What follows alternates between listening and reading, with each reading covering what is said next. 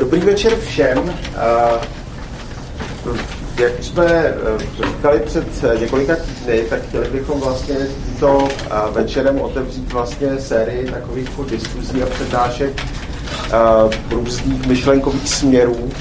A Urza byl vlastně první, který dá vlastně tuhle možnost, že by, že by přednesl vlastně o narkokapitalismu, tak vlastně nabídnul. Takže ten večer v podstatě nebudu nějak jako moderovat, nebudu do něj jako zasahovat. Pojmeme to tak, že vlastně na začátku nám řekne vlastně nějaký úvod vlastně do toho tématu a až ten úvod vlastně vyčerpá, tak si myslím, že pak bude jako fajn přistoupit k nějaký diskuzi a k otázkám, na který tě rád odpoví. Tak jo, takže teď Martin předám ti slovo. Tak já vám děkuji za pozvání do Eccentric Clubu a jsem rád, že jste přišli. A chtěl bych se zeptat úplně na začátku, kdo z vás anarchokapitalismus vůbec, aspoň to slovo, aspoň někdy, jako, nebo kdo ho nikdy vůbec nezaslech, jako, kdo vůbec netuší ani trošku nic.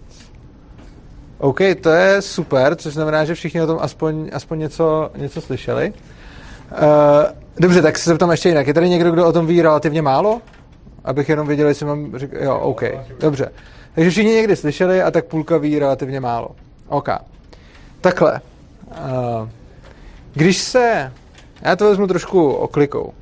Když se podíváme na to, jakým způsobem, a řeší se to neustále ve veřejném prostoru, by lidi spolu měli nějak soužívat, jakým způsobem by měli organizovat svoje vztahy, jakým způsobem uh, by spolu měli vycházet, tak existuje určitý minimum, na kterým si myslím, že se většina lidí nějak shodne a to minimum podle mě je neagrese. E, to znamená, že necháváme ostatní lidi být, dokud nám nic nedělají a násilím je k ničemu nenutíme a nezasahujeme jim násilím do jejich věcí, když oni nejsou agresivní na někoho. Samozřejmě pak je ještě spousta dalších věcí, jak by bylo hezký, aby se k sobě lidi chovali, ale osobně si myslím, že tohle to je takový ten úplný základ. Je to takový to pravidlo žij a nech žít. No a pravidlo žij a nech žít je něco, co mají lidi obecně rádi, s čím obecně souhlasí a na čem se tak nějak všichni shodnou. Stejně jako se víceméně všichni shodnou na tom, že je dobrý někomu, někoho neokrádat, nebrat mojich věci, nenutit ho násilím dělat to, co já chci, čili když já si myslím, že je něco správný, tak že nemám právo k vám přijít a, a nutit vás žít podle mých hodnot. Tak tohle jsou věci, s kterými se víceméně všichni shodujou. No a vlastně, když to vezmu hodně v krátkosti, tak tohle je anarchokapitalismus. Anarchokapitalismus je vlastně jenom o tomhle. Jo? Všechno ostatní už je z toho nějak dál odvozený, budeme se tady o tom bavit a tak dále. Ale anarchokapitalismus není nic, není nic víc než tenhle způsob nějakého humanismu nebo lidskosti. Většina lidí se na těchto těch věcech, které jsem tady říkal, celkem v obecné rovině shodné, ale skoro všichni z toho dělají jednu výjimku. A to výjimku pro stát. Když stát něco z těch věcí dělá, něco z toho, co nikomu jinému bychom netolerovali, tak to najednou schvalujeme. Například je asi pro všechny jasný, že já vám nebudu za váma chodit, když budu poskytovat nějakou službu, tak vás nebudu nutit jí platit, když jste si ji neobjednali a nevyužíváte ji například. A je to celkem každému jasný. A když bych to dělal, tak jsem špatný. Na druhou stranu stát je v podstatě založen na tom, že tohle to dělá. Rozhodne se, jaký služby bude poskytovat a všichni, bez ohledu na to, jestli se spotřávají, nespotřávají, chtějí, nechtějí a tak dále, za ně musí platit. A tam to najednou vidíme, že to je něco jiného. Podobně jako všichni nějak tušíme, že není asi dobrý, já nevím, třeba lidi k něčemu nutit a vnucovat jim svoji vůli, tak zase v momentě, kdy to projde zákonem, tak najednou tatáž věc je pro nás přijatelná. Jo, takže když bych si já tady teď vymyslel, že, já nevím, vy všichni si na autě nesmíte přetočit tachometr, nebo ve svých hospodách smíte nebo nesmíte kouřit, nebo prostě cokoliv takového, tak by to bylo hrozný, kdybych vám to vnucoval. Ale v momentě, kdy něco takového schválí dostatečný počet poslanců, tak najednou všem se cvakne v hlavě a řeknou si, jo, takhle je to v pořádku, teď už je to vynucovat jako v pohodě. Přitom neexistuje podle mě žádný morální ospravedlnění toho, proč jenom proto, že ta věc přišla jako zákon, by měla nějakým způsobem být o cokoliv lepší. Ono je taky zajímavý, že když se podíváme na ty politiky, tak všichni tak nějak tušíme, co jsou ty lidi zač. A jsou to asi tak ty poslední lidi, ke kterým bychom se chodili radit o svých zásadních životních, morálních a dalších rozhodnutích. A v tom parlamentu bychom asi fakt nehledali ty rádce. A je zajímavé, že kdyby se ty lidi, ty stejní lidi, kteří nám odhlasovávají ty zákony, na něčem jenom dohodli a vydali by doporučení a řekli by, my všem doporučujeme, aby ve svých hospodách udělali nekuřácký. Na to se všichni vykašlou. Na to budou kašlat. Ale proč, když ty samý lidi, kteří jsou úplně stejně chytrý, jsou to, jsou to oni prostě, tak v momentě, kdy to protlačí nějakým legislativním procesem, tak je to pro nás najednou skoro svatý. No a Anarchokapitalisti se vlastně od ostatních lidí liší tím, že tohle to neschvalujou. A že když tvrdíme žij a nech žít a když tvrdíme nesmíme nikoho k ničemu nutit násilím, nesmíme nikomu vnucovat svoje životní hodnoty, tak my anarchokapitalisti říkáme ano, nesmíme, ale je to univerzálně platný.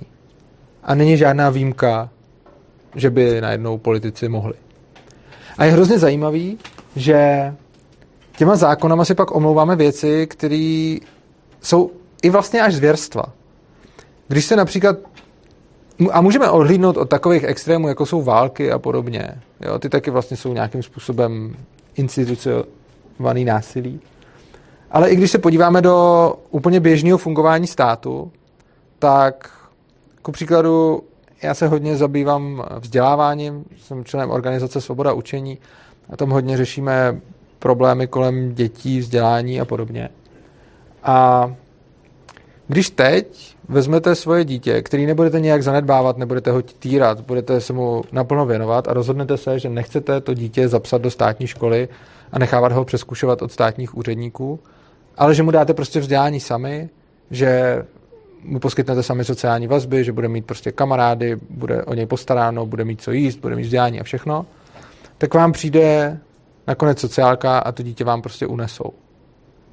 A tohle je něco, co si myslím, že už kdybychom se koukali na to, jak se to děje někde jinde, někomu jinému a nebyl na tom zákon a nebyli jsme na to zvyklí, tak bychom si řekli, sakra, unášení dětí už je fakt velký problém.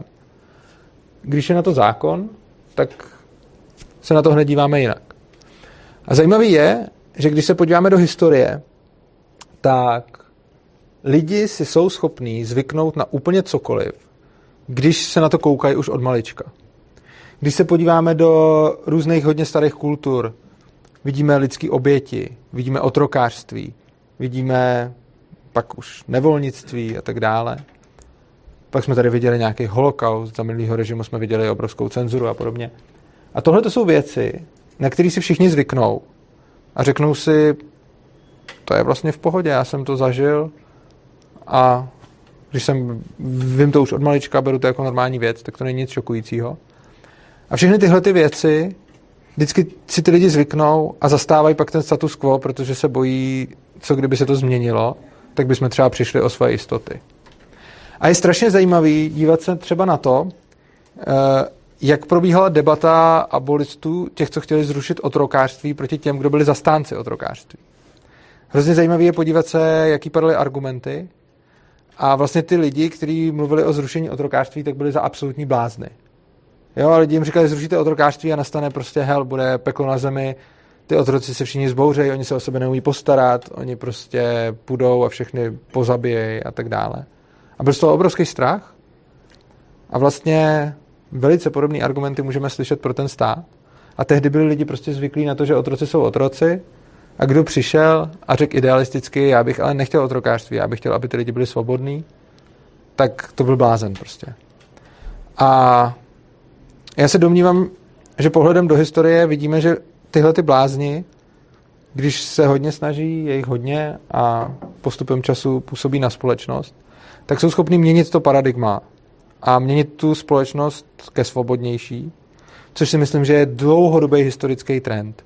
Je pravda, že třeba v posledních deseti, no od 90. let v České republice máme ten trend trošku obráceně, Na druhou stranu, když se podíváme jako celkově v rámci nějakých třeba velkých stovek nebo tisíců let, tak jsme vlastně pořád svobodnější a svobodnější jako společnost, protože lidem dochází, že ta svoboda je, že ta svoboda je výhodná.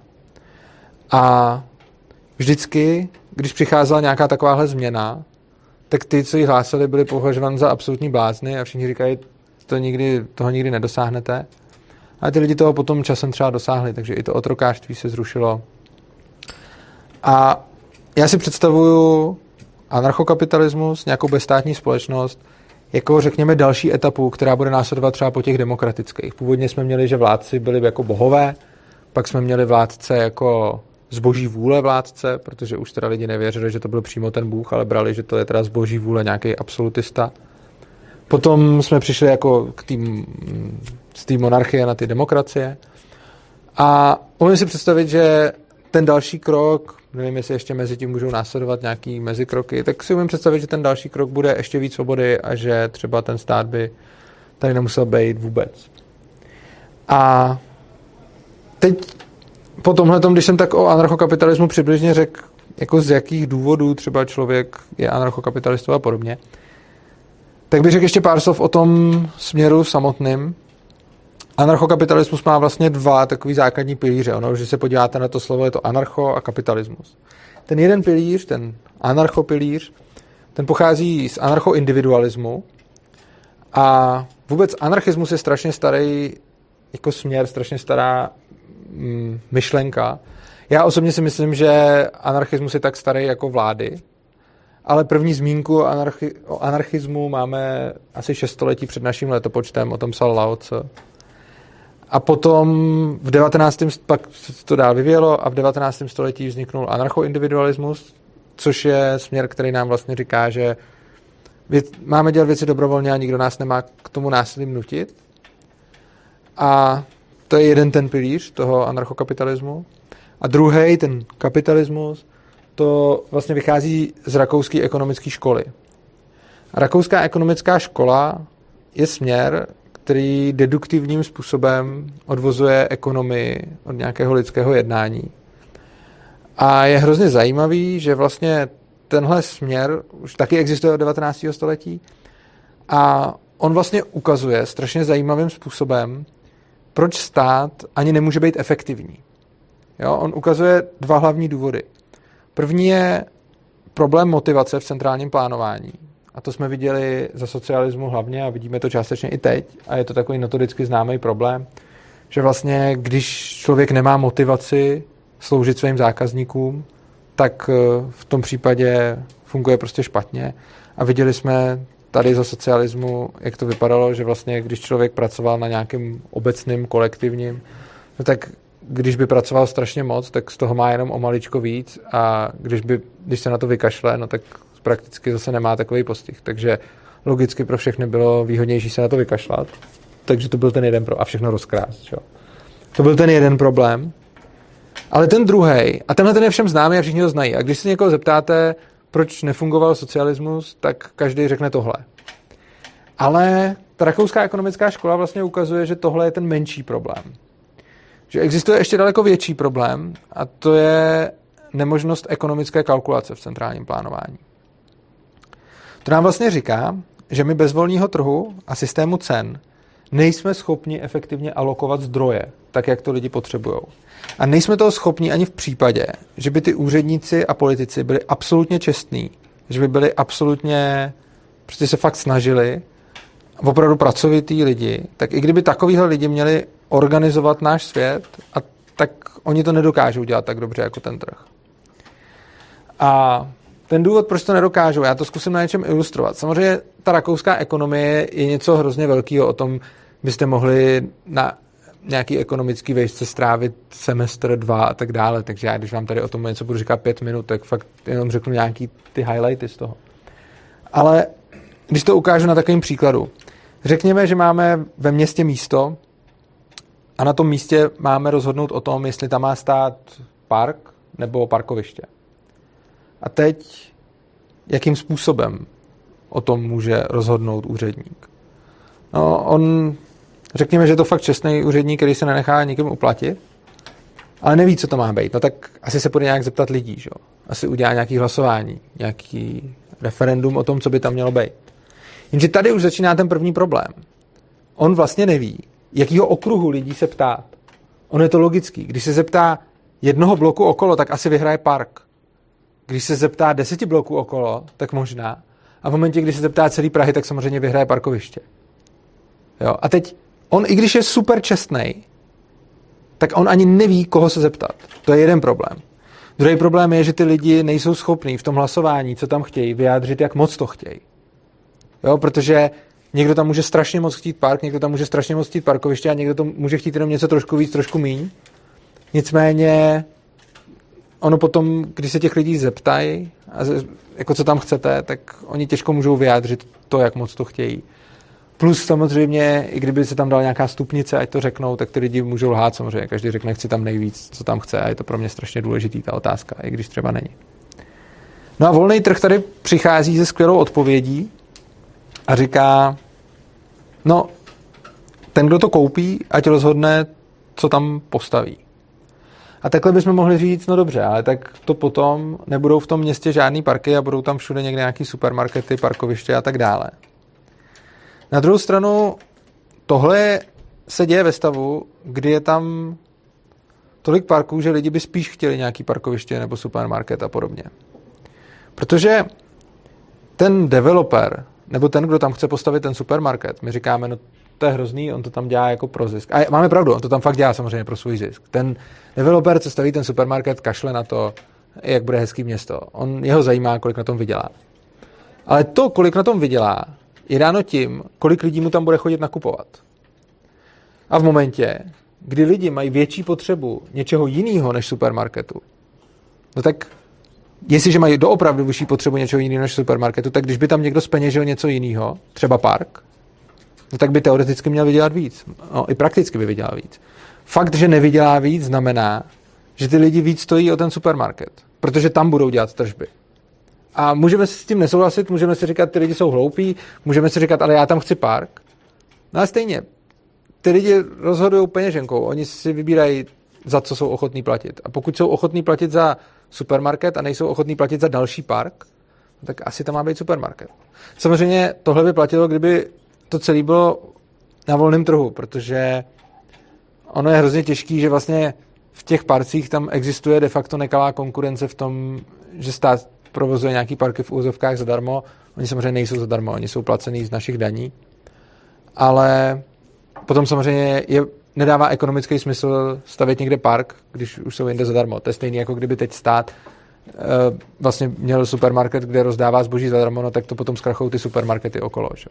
A jako víme, že to nemůže fungovat s tím supermarketem. Ono to úplně stejně nefunguje s těma parkama, akorát, že to pak nemá ten následek, že lidi umírají hlady, jako měl ten socialismus, třeba v Rusku a podobně.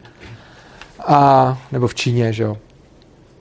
A prostě jediný co, tak čím víc ten socialismus pustíme jako nějakým způsobem k lidem, tak tím víc bídy způsobí.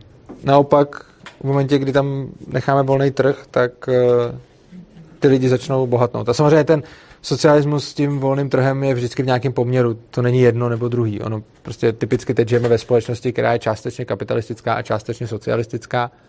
Takže třeba, když se podíváme na zdravotnictví, školství a podobně, tak to jsou vlastně čistě socialistické instituce víceméně, nebo jako odvětví.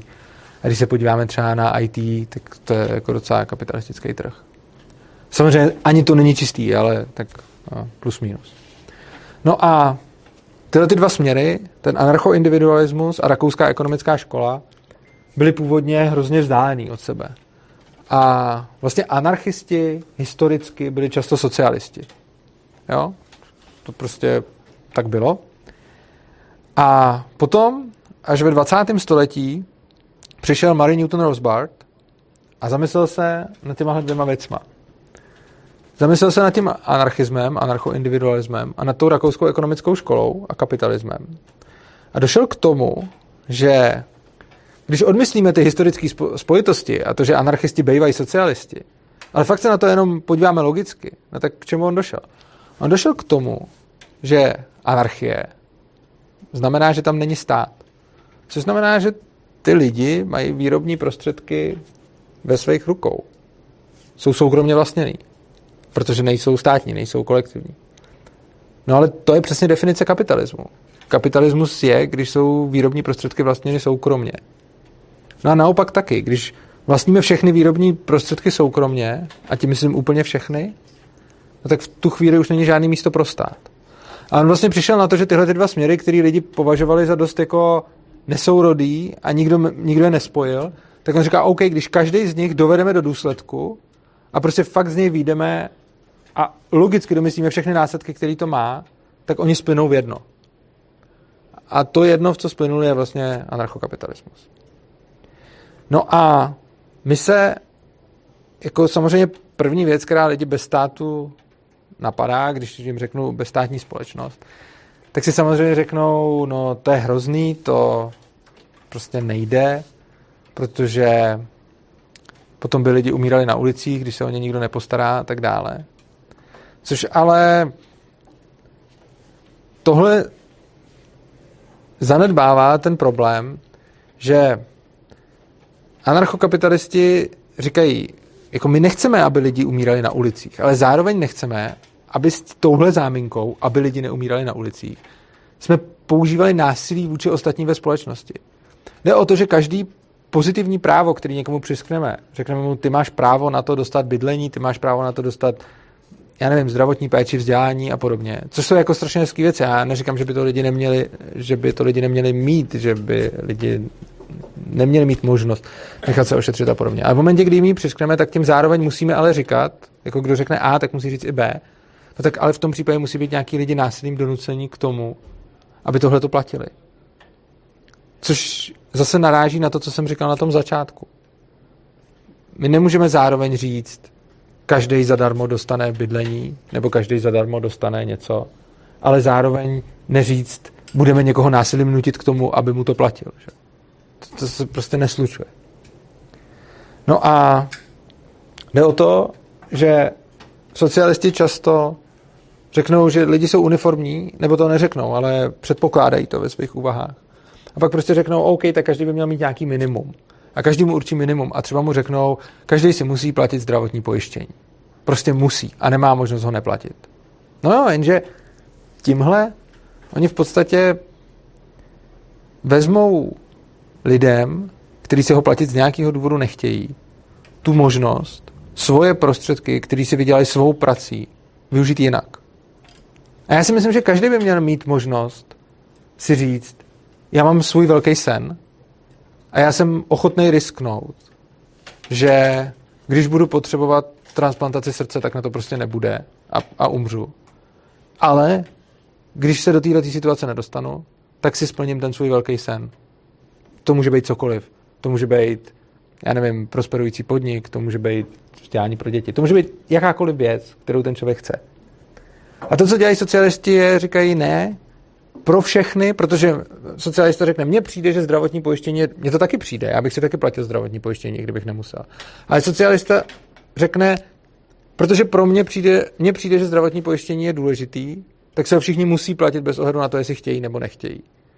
Já, anarchokapitalista, řeknu, mně přijde zdravotní pojištění důležitý a já bych se ho určitě platil. Ale respektuju volbu člověka, který řekne, já se ho platit nechci a prostě se ho platit nebude.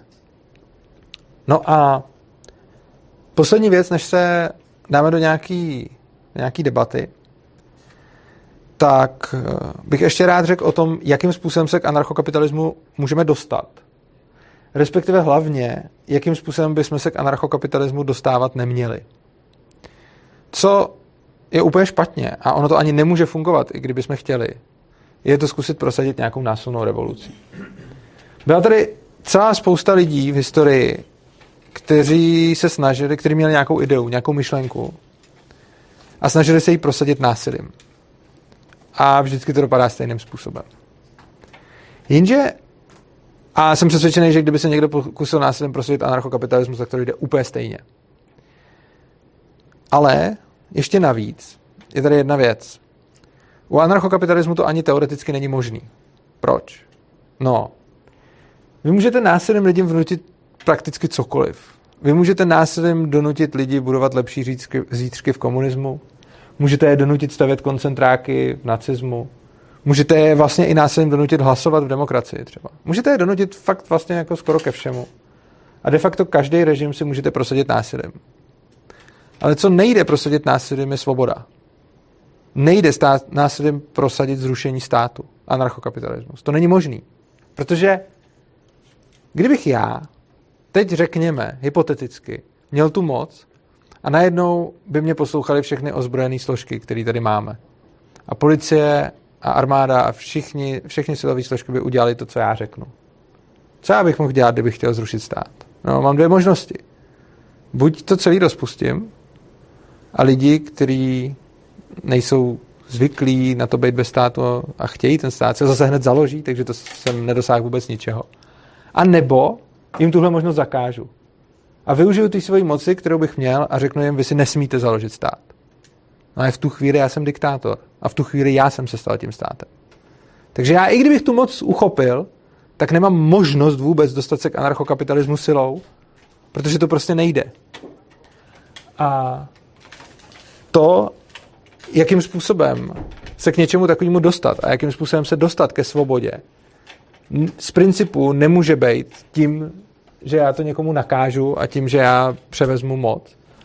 Ale musí to být tím způsobem, že změníme v lidech to paradigma, že jim budeme míru milovně vysvětlovat a říkat, proč je lepší nemít ten stát, proč je ten stát agresor a proč ve spoustě věcech může ten trh fungovat prostě líp, než funguje ten stát.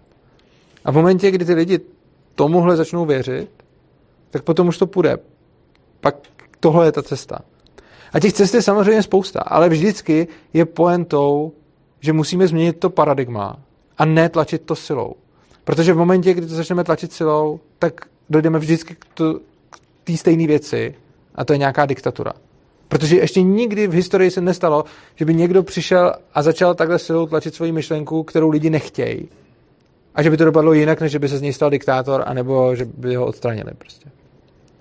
Takže tohle je, strašně důležitý a ty možnosti, jakým se dá nějaká bezstátní společnost realizovat nebo se k ní aspoň blížit, je jednak podle mě je strašně důležitý říkat o tom lidem a nějakým způsobem je s tím seznamovat. Ale jsou lidi, kteří jdou jinýma cestama, například skrze kryptoměny. Tady třeba máme že jo, Litecoiny, to je hezký. A jsou, jako, je to vlastně takový jako opt-out, že tu věc, kterou dělá stát, tak paralelně začneme dělat my, třeba tu měnu, jo? že můžeme mít, jsou státní peníze a my můžeme mít paralelně na ně jako jiný peníze. A vlastně vytvářet paralelní struktury k tomu státu, což je vlastně způsob, jakým dojít k bezstátní společnosti. Protože v momentě, kdy my uděláme paralelní strukturu k, teď samozřejmě to není reálný, ale časem, kdyby se stala paralelní struktura k právu, eh, k soudnictví a tak už teď jsou nějaké arbitráže a podobně, či jsou nějaké už jako společnosti, které můžou soudit nějaké případy. Nicméně v momentě, když by ten stát legislativně umožnil fakt vytvářet paralelní struktury ke všem těm odvětvím, tak v tom okamžiku ten stát už přestává být státem a začne být v podstatě firmou na volném trhu. Takže už je to potom v podstatě bez, bezstátní společnost. Byť by se ten stát pořád jmenoval stát. V momentě, kdy umožní k sobě mít konkurenci, tak tím pádem už to stát v podstatě není, protože stát je z definice monopol na násilí na tom daném území. A když ten monopol pustí, tak v ten moment už to z principu není stát. No a tohle je tak nějak všechno, co jsem vám, eh, co jsem vám chtěl, co jsem vám chtěl říct. Ale jsem to hodně, hodně stručně.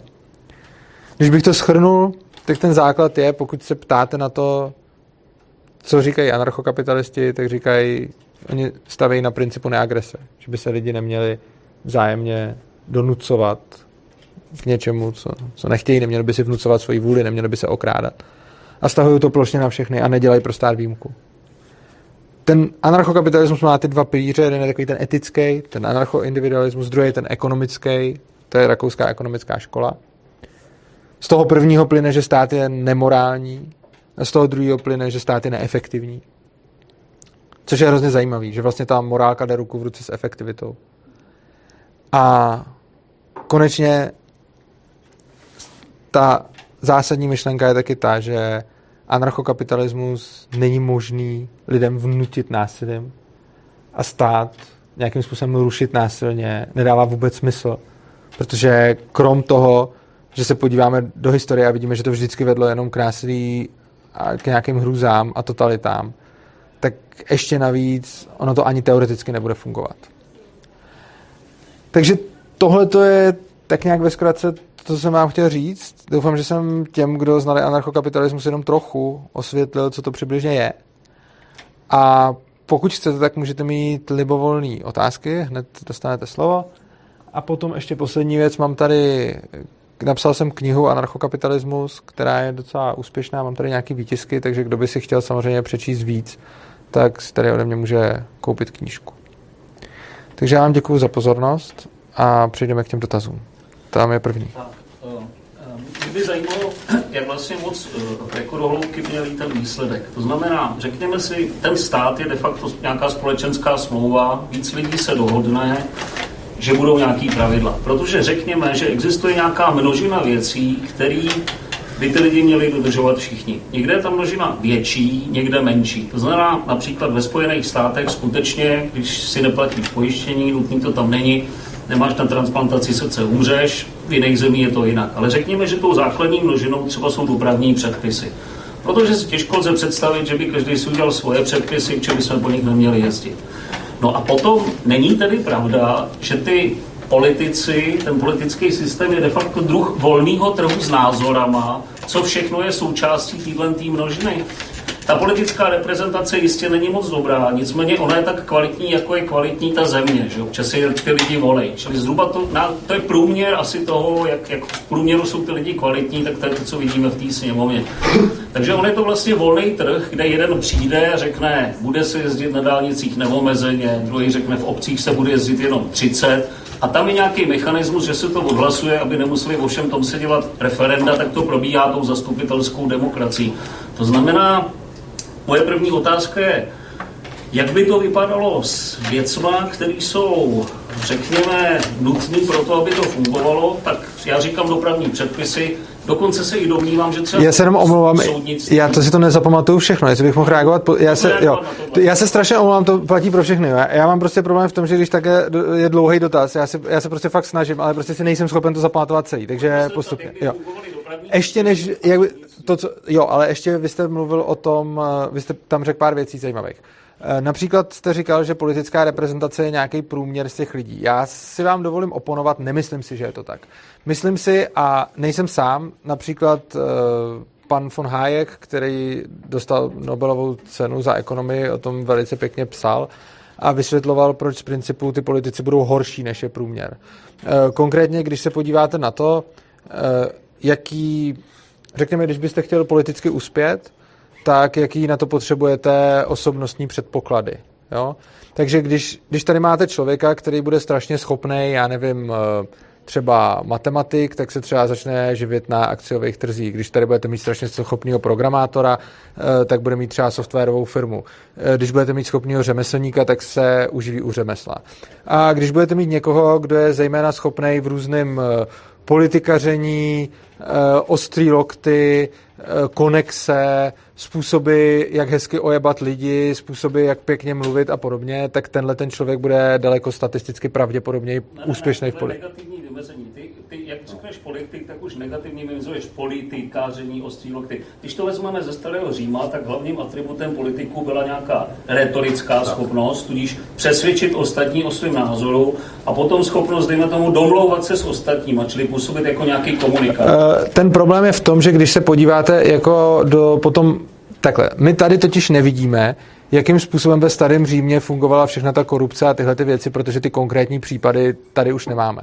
Ale když se teď podíváte, a já do minimálně jedné politické strany trošičku vidím, do, ne, že bych já v té straně byl, to ne, ale, eh, ale když se podíváte do, na, na ty politické strany, jakým způsobem to tam funguje, tak je velice častý, že spousta lidí řekne na tohle já nemám žaludek.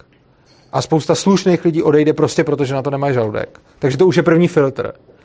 A dále už v té straně, už i na lokální politice, často vyhrává ten, kdo má prostě ostřejší lokty, dokáže ve vhodnou chvíli vytáhnout dobrou špínu na oponenta a to jak eh, jako mezistranického, tak i vnitrostranicky.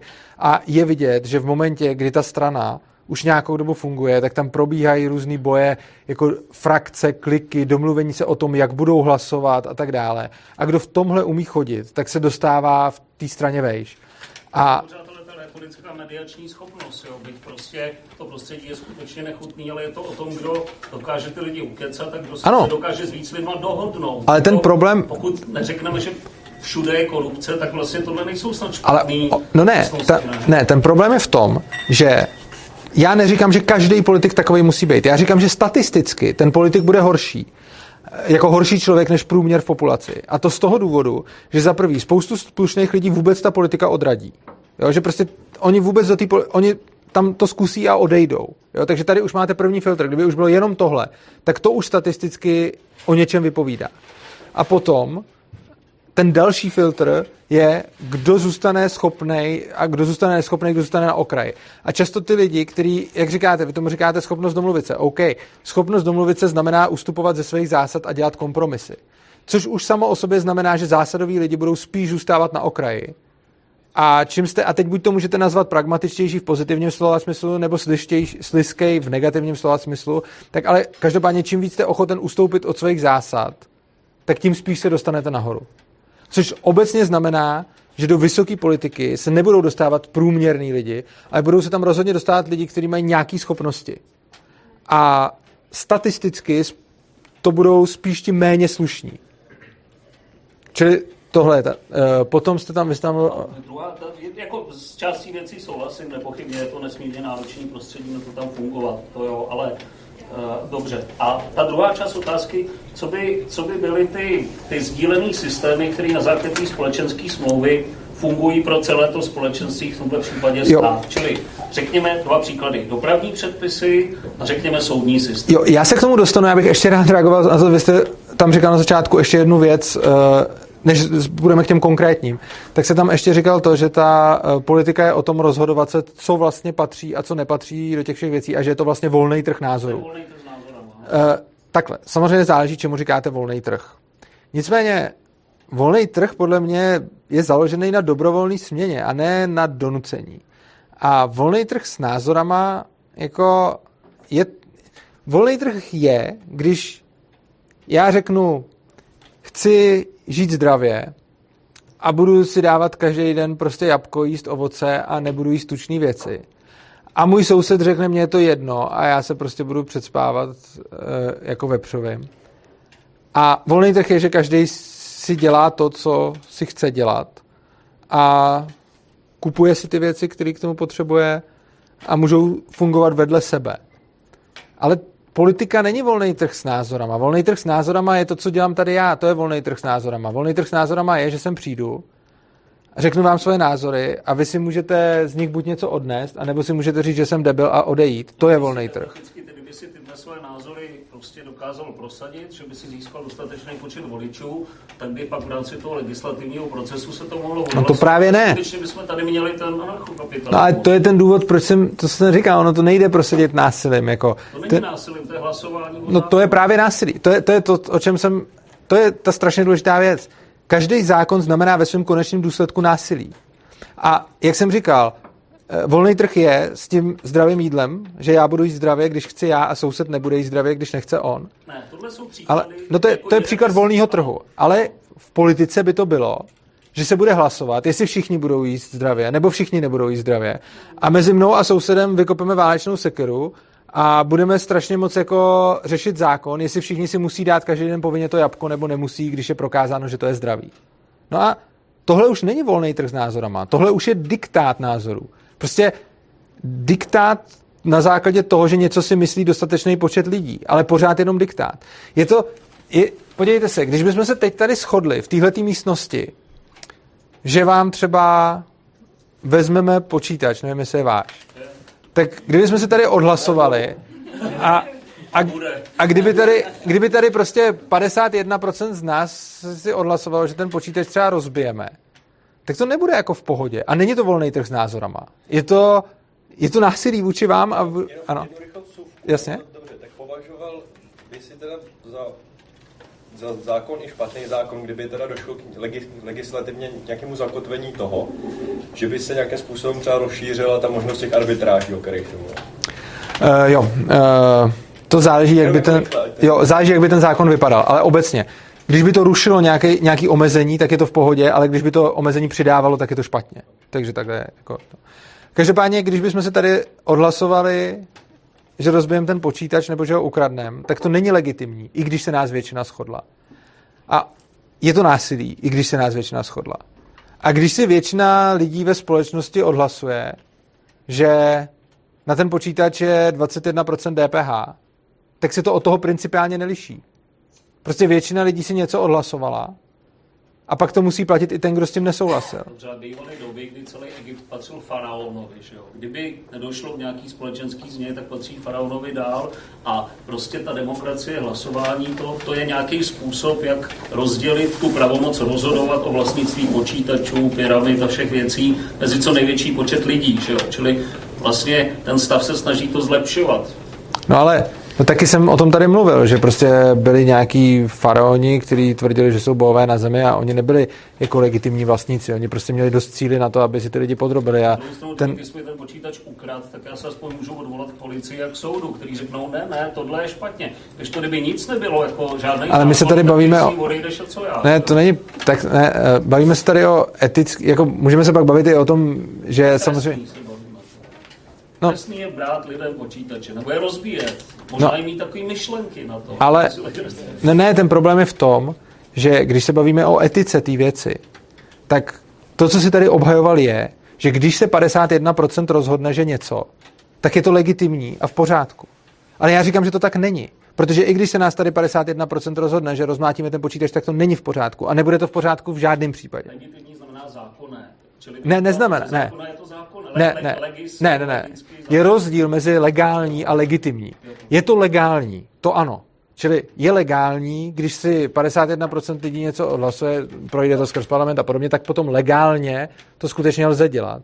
Ale legální a legitimní je velký rozdíl. Legální byly koncentráky. A, a ano, legální byly koncentráky, ale nikdo je tady nebude obhajovat. Legitimita obsahuje ještě jako morálku. Jako... Ano, legitimita obsahuje přesně tak, ano. Takže koncentráky byly legální, ale nebyly legitimní.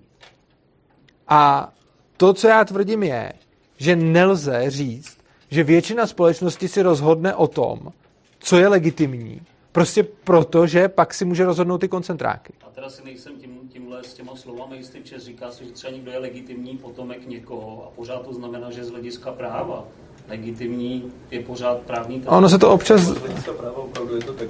Skutečně, jo. Jo, uh, no, takže to máme, uh, to máme tohle. A teď ty, teď s tím... teď s tím, ano, dopravní značky. Uh, samozřejmě je, mám o tom celou kapitolu v knize, měl jsem o tom přednášku, která má prostě dvě hodiny, takže to hodně zkrátím, jo, ale zkusím, aby to dávalo aspoň trochu smysl. Ale poenta je, že teď o tom rozhoduje stát za předpokladu, že by ten stát nebyl, tak si o tom nebude rozhodovat každý ve svém autě, pochopitelně, ale majitel té silnice.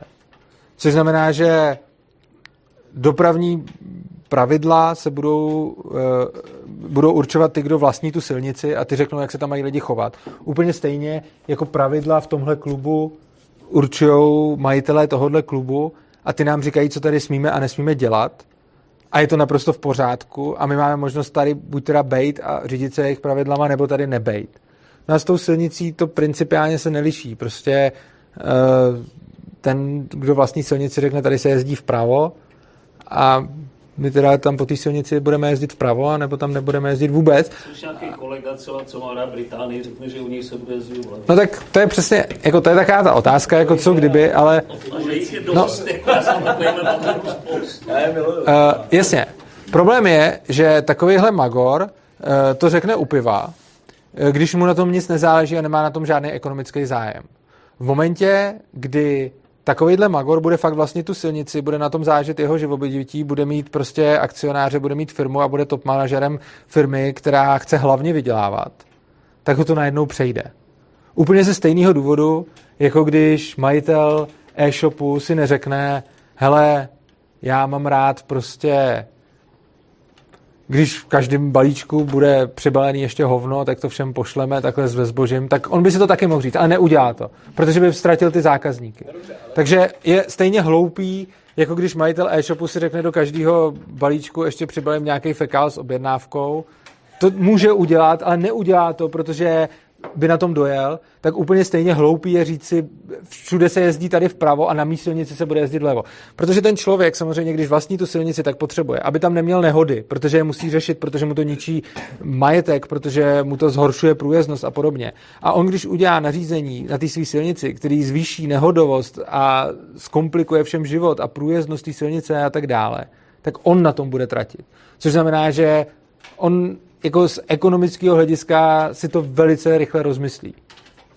Takže tak já jsem se teď, teď jsem se chtěl zeptat, co by se stalo, kdyby ten majitel silnice tam občas nějaký to auto tak nějak jako by zmizelo, by si ho sebral. Takže možná lidi by se dozvěděli, že po těch silnicích vlastně, že tady se to děje, že tady někdo, ten majitel jako lapka zabírá ty auta, tak by tam nejezdili, že všechno ekonomicky by se takhle... No ne, tak oni samozřejmě potom, když... To, kdyby on to auto nějak na Ukrajinice zabil řidiče třeba. To řeší, už tu, to řeší už tu druhou otázku položenou, která se týkala těch soudů a toho práva, což je asi tak nejkomplikovanější z těchto těch témat. Jo. A teď jenom je důležitý zase říct, řeknu to hodně ve zkratce a takhle. Je zajímavý, že jsem programátor, jsem anarchokapitalista, oběma dvěma těm věcím jsem dal 10-20 tisíc hodin v životě. Všichni tak nějak chápou, že když se mě zeptají na strašně pokročilý téma v programování a nejsou programátoři a nic o tom nevědí, že ta odpověď nebude plná a uspokojivá. Chtěl bych na to upozornit, u toho anarchokapitalismu to lidem většinou takhle nepřijde. Takže jim většinou připadá, že když dají otázku na to úplně nejvíc high level téma, který tam existuje, takže ta odpověď bez toho, abych jim vysvětlil celou tu ekonomii a všechny ty principy, že to bude dávat úplně smysl. Jako moc nebude, a jak říkám, mám třeba na svém YouTube kanálu, je to kanál Svobodného přístavu, mám tam jako sérii přednášek, kterých je víc než 20, každá má dvě hodiny, řeší vždycky to jedno téma, že tam i silnice a pak se tam dostanou taky k tomu právu. Nicméně obecně právo je komodita jako každá jiná, kterou můžou poskytovat i volnotržně soukromí společnosti. Což znamená, že může být společnost, která řeší soudnictví, arbitráže a podobně. A může být jiná společnost, která potom řeší vymáhání těchto těch rozhodnutí. Tyhle ty společnosti můžou fungovat i na tom, že jim člověk platí nějaký paušální poplatek, dokud se nic neděje, jako by pojištění, a oni potom, když se mu něco stane, tak zakročí a něco udělají. Což znamená, že když by někdo takhle stopil auto na silnici a vzal by si ho tam, teď nevím, jestli to bylo myšleno i s tím řidičem, že by ho jako zabil, nebo bez toho řidiče, nevím. Každopádně, když by toho řidiče nechal běžet, no tak on by se obrátil na tu svoji firmu, která mu zajišťuje bezpečnost a ta by to šla řešit. A když by to teda udělal i s tím řidičem, tak pravděpodobně pozůstalí by se obrátili na tu firmu. Ale zase je to strašně, jako tam samozřejmě takhle, když to řeknu, tak může existovat jako spousta námitek, který se dají jako rozebírat do nekonečná, je to fakt jako... A jenom, jak by to ta firma neřešila, jak by donutila toho pachatele zjištění? Bylo by nějaké konečné řešení? To je kolik právní možná je to uh, No úplně stejně jako... No. Dojde k tomu výsledku, jo? No k tomu výsledku dojde... Státě dostane do vězení nebo vymůže... Tak vymůže pravděpodobně nějakou, nějakou náhradu, že jo? Takže v případě toho majitele... tak ty zaplatíš to auto, co si No tak oni by hlavně takhle. Je to podobný, jako ten stát to násilí používá a nemusí ho většinou doopravdy, občas jo, ale většinou ho nemusí použít. Většinou stačí hrozba tím násilím, protože ty lidi ví, že by to prohráli, což znamená, že radši zaplatí. Což je podobný případ. Když má člověk dostatek síly, tak nemusí tu sílu úplně vždycky používat, ale stačí tou sílou hrozit, když lidi ví, že to použije. Takže oni by tam nemuseli přijít s bouchačkou, oni by tam mohli poslat obsílku a s bouchačkou by tam mohli přijít až poté, co ten člověk na to nebude reagovat, což víceméně ten stát dělá velice podobně. Ten stát taky jako napřed se snaží to řešit bez toho, aby tam poslal ty lidi s těma bouchačkama, ale když jako to nejde, anebo když už je zjevný, že ten člověk nebude reagovat na nic jiného, no tak až pak tam pošlete lidi s bouchačkou. Firmě, vyšli s bouchačkou? Řekněme si, že nějaký obsílky nikoho nezajímají. Zajímá, ty, ty, ty se poddáš právo, víš, že policajti mají zbraně, když prohraješ soud, tak tě konec přijdou, odvedou tě a zavřou do vězení. Co se stane? Řekněme, Dobře, čili teď tady máme nějakou centrální moc, ta vymáhá tohle. Tak teď by tady bylo víc firm, ty by to vymáhali, jak někde asi na divokém západě, jeden šerif, druhý šerif, takhle budíš, můžu si to představit. Co se stane, když tahle firma, co dostala do ruky možnost teda toho násilí, že má ty bouchačky, tak začne vymáhat něco, co vlastně se nestalo, ale oni taky přijdou za tebou. Ty Na tu otázku, co té firmě zabrání, firmě? na tu, firmu, na tu otázku, co té firmě zabrání, je úplně jednoduchá odpověď. Konkurence. Uh, se tomu říká mafie tomuhle. Přijdou za tebou, řeknou ti, ty nám budeš platit měsíčně poplatek. no to dělá přesně stát mimochodem. Neví, Uh, to, to, to je, tomu se říká taky daně. Uh, já vím, ale je, je, je strašně zajímavý, že... stát nebude a No ne. když 10 mafií a každá vybírá, No, ty, no a tak teď je jedna mafie, která vybírá. Ty, jo, jako, tak je to lepší. No. no. No. států bylo víc vedle sebe. No počkat, lepší jedna než deset. Jakože teď je ta moc centralizovaná. E, mimochodem ty mafie, třeba i ty italský, ruský a podobně, si většinou e, troufli vybírat od těch lidí třeba 10% nebo něco takového. Náš stát si momentálně vybírá něco mezi 60 a 70%. To si žádná mafie nikdy netroufla. Proč? No protože není lepší jedna než 10. Protože, protože monopol na cokoliv, včetně monopolu na násilí, má tu vlastnost, že se chová jako monopol. V momentě, kdy tam těch firm bude 10 a ta moc bude decentralizovaná, tak si budou vzájemně konkurovat. Teď ten stát moc konkurence nemá a na svém území nemá vlastně žádnou. Principiálně je zajímavý, že když jich je 10, tak to tak snadno člověk nazve mafií. Ale to není odskočení od tématu. To, ta otázka zněla, co když někdo přijde a začne těm lidem vyhrožovat, že když nezaplatěj, tak na ně použije násilí. Sakra, když v tom žijem. A to je přesně to, o, co jsem, o čem jsem mluvil, když jsem tady povídal. Když člověk má, když člověk něco vidí, už jako furt celý život a od tak mu to nepřijde hrozný.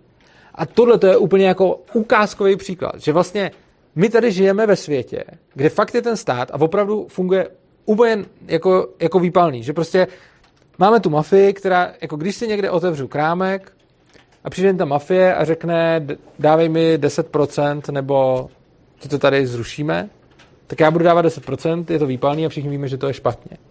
Když do toho samého krámku přijde stát a řekne, dávej mi 60-70%, nebo to tady zrušíme, tak je to najednou v pohodě. Ono se to morálně vůbec nijak neliší. Ono se to liší technicky, ale morální rozdíl... Ne, já- jsem taky neskákal si do řeči, prosím. Prosím, prosím. Moc prosím. Já bych rád, kdyby jsme Dobře, dobře, pardon. uh, ty, uh, ten krámek, když tam někdo, prostě takhle tam přijde ten stát, tak udělá to samý, prostě začne vybírat a z morálního hlediska se, se, se to neliší, je, je, to- je to totéž. A tady vlastně zazněla námitka, co kdyby se stala ta hrůza v tom anarchokapitalismu, že by někdo vybíral výpalný. Ale my už žijeme ve světě, kde se ta hrůza už stala. Akorát, že nám bylo řečeno, že je to v pohodě. A odpověď na to, že si to ty lidi odhlasovali. Oni si to sice odhlasovali, ale o tom už jsme tady... No, no ty lidi.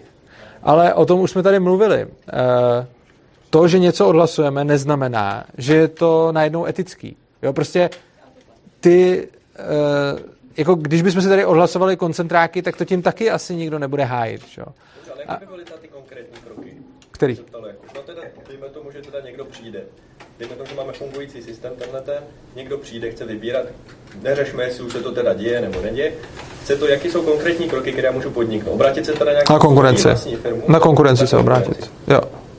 Která vlastně, jako t- ten celý rozdíl je, že teď je tam moc centralizovaná na jedno místo a to, o čem mluvím já, je decentralizovat ji na víc míst. Prostě. On se obrátí na konkurenci, takže bude rozhodovat, kdo má víc bouchaček. Teda. Protože ty půjdou proti sobě, každý má jiný, řekněme, právě. No, tak se přesně. přesně. co se dneska děje u soudu, akorát, že to je bez bouchaček, ale hledají se tam právníci. No, Mě vyhraje ta parta, která bude mocnější vždycky, že jo, ta společnost, která bude Pozor. uh, to, to je přesně dnešní stav. Jo. jako Pozor, je tady rozdíl. Tohle je přesně dnešní stav. Dnešní stav je, že ta parta, která má nejvíc bouchaček, což je stát, si může dělat, co chce. A to, že teď zrovna tady žijeme v historickém období, kdy to, co dělá, není taková hrůza, jako vlastně v celé lidské historii, ještě neznamená tak moc. Ale. No, ona vždycky bude parta, která bude mít nejvíc bouchaček, ale to ještě neznamená, že si může dělat, co chce, pokud není jediná a nemá monopol. Protože záleží, jakým způsobem je ta moc rozložená. Pokud bude takovýchhle společností 10, třeba, teď jako neříkám, že to tak přesně musí vypadat, eh, bude jich 10. A jedna z nich bude největší. Jedna z nich bude třeba hodně největší. Bude mít já nevím, 25% trhu a ty ostatní budou mít prostě po každý, já nevím, nějakých 7% trhu třeba. A jedna bude mít 25, takže bude fakt velká. No a tahle ta velká, ale zaprvé ví, že v momentě, kdy začne válku s nějakou malou, tak na tom bude mít nějaký ztráty. A taky ví, že ty ostatní nejsou úplně blbí. A že může třeba takhle požrat jednu, ale když už by požrala druhou, tak ty ostatní už se začnou bránit, to jednak. A to jsem vzal jako hodně špatný rozložení, že ta jedna je o hodně mocnější než ty ostatní. Ale i když si představíme jenom tři, kdy jedna bude mít sílu třeba, uh, já nevím, 40% a další dvě budou mít po 30%, no tak ta, co má 40%, je sice nejsilnější, ale válka s kteroukoliv z těch druhých slabší je pro ní nevýhodná.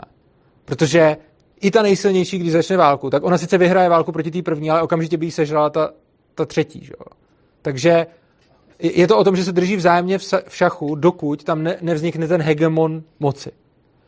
A dokud tam nevznikne hegemon moci, tak se ty, ty společnosti vzájemně můžou držet v šachu, protože ono, i když mám víc bouchaček než můj konkurent, tak se mi ještě nemusí vyplatit na něj útočit, protože on se bude bránit a já budu mít ztráty. A je mimochodem hrozně zajímavý, že v momentě, kdy o válkách rozhodují ty, kdo je neplatí, tak jim se dost snadno začínají války. Ale v momentě, kdy já budu mít ekonomický zájem a ta válka mi bude ničit moje drahé věci, tak i když já vyhraju, tak na tom pořád můžu mít obrovský ekonomický ztráty. A stačí, aby jsme nebyli jenom dva. Stačí, aby už jsme byli tři. A já můžu porazit jednoho, svého konkurenta, ale tím tolik vykrvácím v tom boji s ním, že ten třetí najednou je silnější než já. Takže já, i když jsem měl původně nejsilnější pozici, tak se mi vůbec nemusí vyplácet jít a střílet do konkurence. Hlavně ty společnosti chtějí mít zákazníky. Je, to je další věc. Samozřejmě ty společnosti chtějí mít zákazníky, což znamená, že eh, v momentě, kdy já potřebuji taky nějakou reputaci. Jo. A teď jsem jako čistě mluvil o tom silovém řešení proti té konkurenci. Ale druhá věc samozřejmě je, že když já budu ten, kdo poskytuje bezpečnost, tak můj největší průser je vlastně jako ubližovat lidem. Jo. To je jako když, já nevím, firma, která, když se někdo bude snažit o čistou přírodu a pak ho nachytají, jak vylejvá prostě chemikálie do řeky, tak taky jako se strašně, si strašně poškodí to jméno. Jak by fungoval ten marketing? Řekněme, že tenhle ten model myšlenkový, že by to takhle fungovalo. Já dělám to marketingu, jak teď si představu, jak by tyhle ty firmy, co zajišťují to právo, jak by lákali k sobě zákazníky, protože každý chce mít co nejvíc těch klientů, co jim platí třeba nějaký ten paušal. Takže já dělám kampaň pro nějakou tuhle firmu, nebo ji mám, řeknu, my vám nabídneme, že když vám někdo ukradne stovku, tak my vymůžeme 120 korun z něj. A druhá firma řekne, ne, ne, když vám někdo ukradne stovku, my využijeme 150. Takhle by třeba lákali k sobě ty klienty, aby... No, tohle to až tak úplně ne. Samozřejmě by je lákali marketingem jako u všeho, ale tohle to nedává úplně smysl z toho důvodu, že oni žijou v jednom prostředí, eh, kde nějakým způsobem existují nějaký soudy, který Urču... soudy, jsou, tady ty jsou samozřejmě. Ty, by, ty, soudy jsou, ty soudy? Ty soudy jsou jako soudy můžou být další arbitrážní společnosti, čili je jako úplně typicky, jak říkám, je to, je to jako docela složitý a je fakt potřeba si o tom zjistit víc. Jako tady vedeme diskuzi, je, je to opravdu o tom, že jakoby, když to přirovnám, tak teď sedíme v první třídě základní školy a vedeme tady diskuzi o derivacích a integrálech, takže je tam spousta věcí, které nedávají úplně smysl, protože jsme fakt tady na nejtěžším tématu, který, který k tomu existuje. Funguje tohle celý jako na nějakém systému smluv teda potom? Nebo ano, víceméně. Kdo ty smlouvy vymáhá potom? No ty firmy, který se tím zabývají tím právem, že? Ale ty nějakým způsobem taky budou vázaný smlouva ano. s těma, které... No to je úplně stejný, jako porušit smlouvu je vlastně úplně stejný, jako třeba, já nevím, jít ukrást auto. Prostě každý může udělat něco špatného a jestli porušil smlouvu nebo šel ukrást auto, tak je zase někdo, kdo ho eh, může nějakým způsobem přinutit k tomu to vrátit. nějaký tomu, tomu arbitrážnímu jako soudu, eh, kterým se rozhodne, že by podléhal? Uh, ono typicky, já si umím, takhle, samozřejmě na tohle to neexistuje úplně jednoznačná odpověď, protože těch modelů, jak to může vypadat, je celá spousta. Ale já si třeba umím představit model, který by vypadal tak, že ty uh, firmy, které vy, vymáhají to násilí, tak samozřejmě, jak jsme se tady bavili o tom, že postřílet se mezi sebou pro ně není moc výhodný. Výhodnější je spíš se držet v šachu. Tak tyhle ty, kteří spolu nechtějí střílet, protože je to prostě drahý. Jako válka je drahá. Takže tyhle ty firmy můžou mít uzavřený smlouvy s těma arbitrážníma firmama. Takže například já budu mít svoji bezpečnostní agenturu, ty budeš mít svoji bezpečnostní agenturu a něco si uděláme. Já se obrátím na svoji, ty se obrátíš na tu svoji. A samozřejmě hloupá hloupý výsledek by byl, že, že po sobě začnou střílet a bude to stát víc, než kolik jim my zaplatíme za 10 let. Na druhou stranu to můžou udělat chytře a to znamená, že už dopředu budou mít uzavřenou smlouvu. Když se naši klienti nebudou moc shodnout, tak se obrátíme na soudce z tohohle seznamu a vymůžeme jeho rozhodnutí. A ten soudce řekne, například, kdo z nás má pravdu a kolik mu zaplatí. A z toho důvodu těžko ta firma, která zajišťuje to právo, může jedna slíbit 130, jedna 140, jedna 150, protože oni spíš budou slibovat, eh, vymůžeme právo podle toho, že tito soudci tak rozhodli. Což znamená, že... Vlastně jsou tam teda tyhle firmy pak zbytečný, nebo by se ty a ty i bez těch bezpečnostních firm obrátit k tomu soudci a tento rozhodl? Mohli, pokud spolupracujeme. Samozřejmě. eh, V momentě, kdy máme spor a oba dva ho chceme řešit, tak určitě jo. Takže například, když my dva když to nebude případ, že jeden druhý třeba okrát, ale bude to případ, že jsme, já nevím, sousedi a řešíme problém, jak daleko od plotu máme stromy. A tohle samozřejmě nemusíme řešit přes ozbrojený hochy, protože tak nějak víme, že když ten arbitr rozhodne, tak stejně se tomu podřídíme. Takže můžeme jít s tím sousedem rovnou za arbitrem a on nás rozsoudí. Na druhou stranu, když to není tenhle ten případ, ale je to případ, já jsem mu vzal auto, a když on říká, pojď to řešit k arbitrovi, tak já říkám fuck off, tak on už se musí obrátit na tu svoji firmu.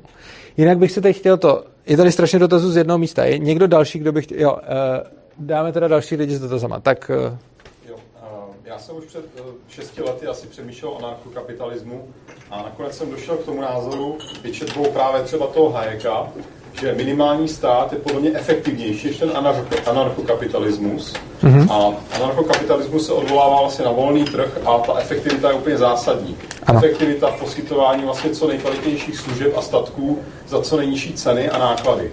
A když si představíme třeba, ať nepřemýšlíme nad tím státem, který je hodně velký, hodně, hodně složitý, pojďme na úroveň obce. Třeba dejme tomu, že bydlím na ulici, kde, kde mám 50 sousedů, máme, máme tam společně nějakou silnici, chodníky, které potřebují nějakou údržbu, nějaký úklid a sem tam opravit.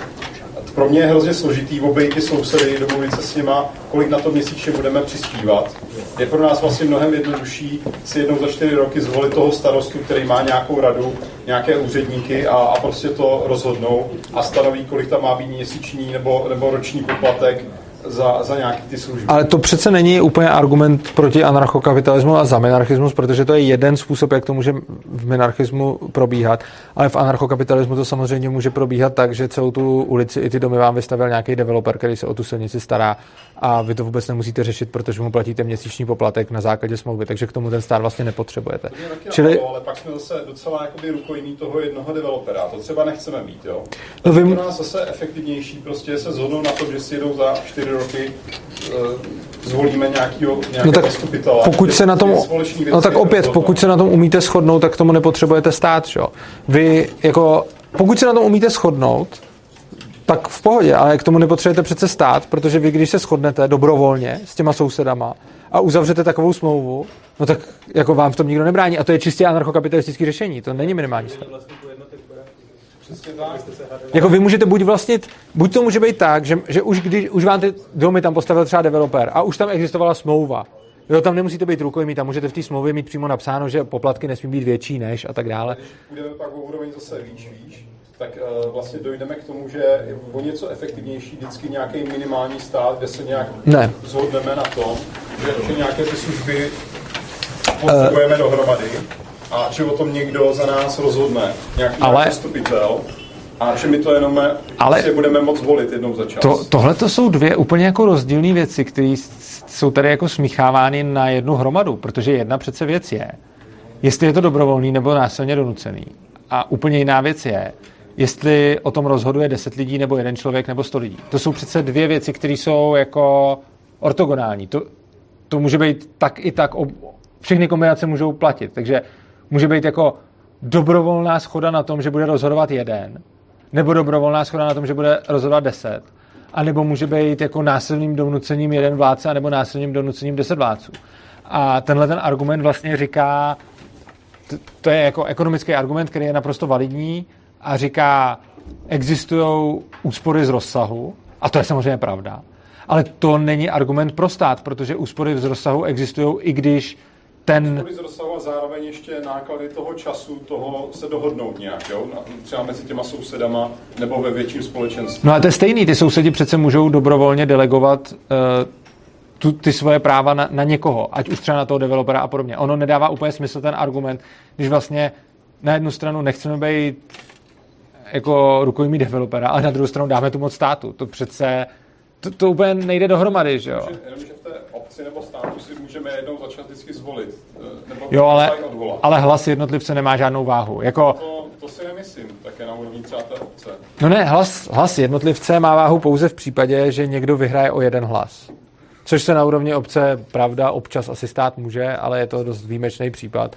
A reálně hlas jednotlivce má limitně nulovou váhu a v momentě, kdy už tu váhu má, tak tam už zase je vás dost málo na to, že byste to mohli delegovat i bez toho, abyste k tomu někoho nutili. Že?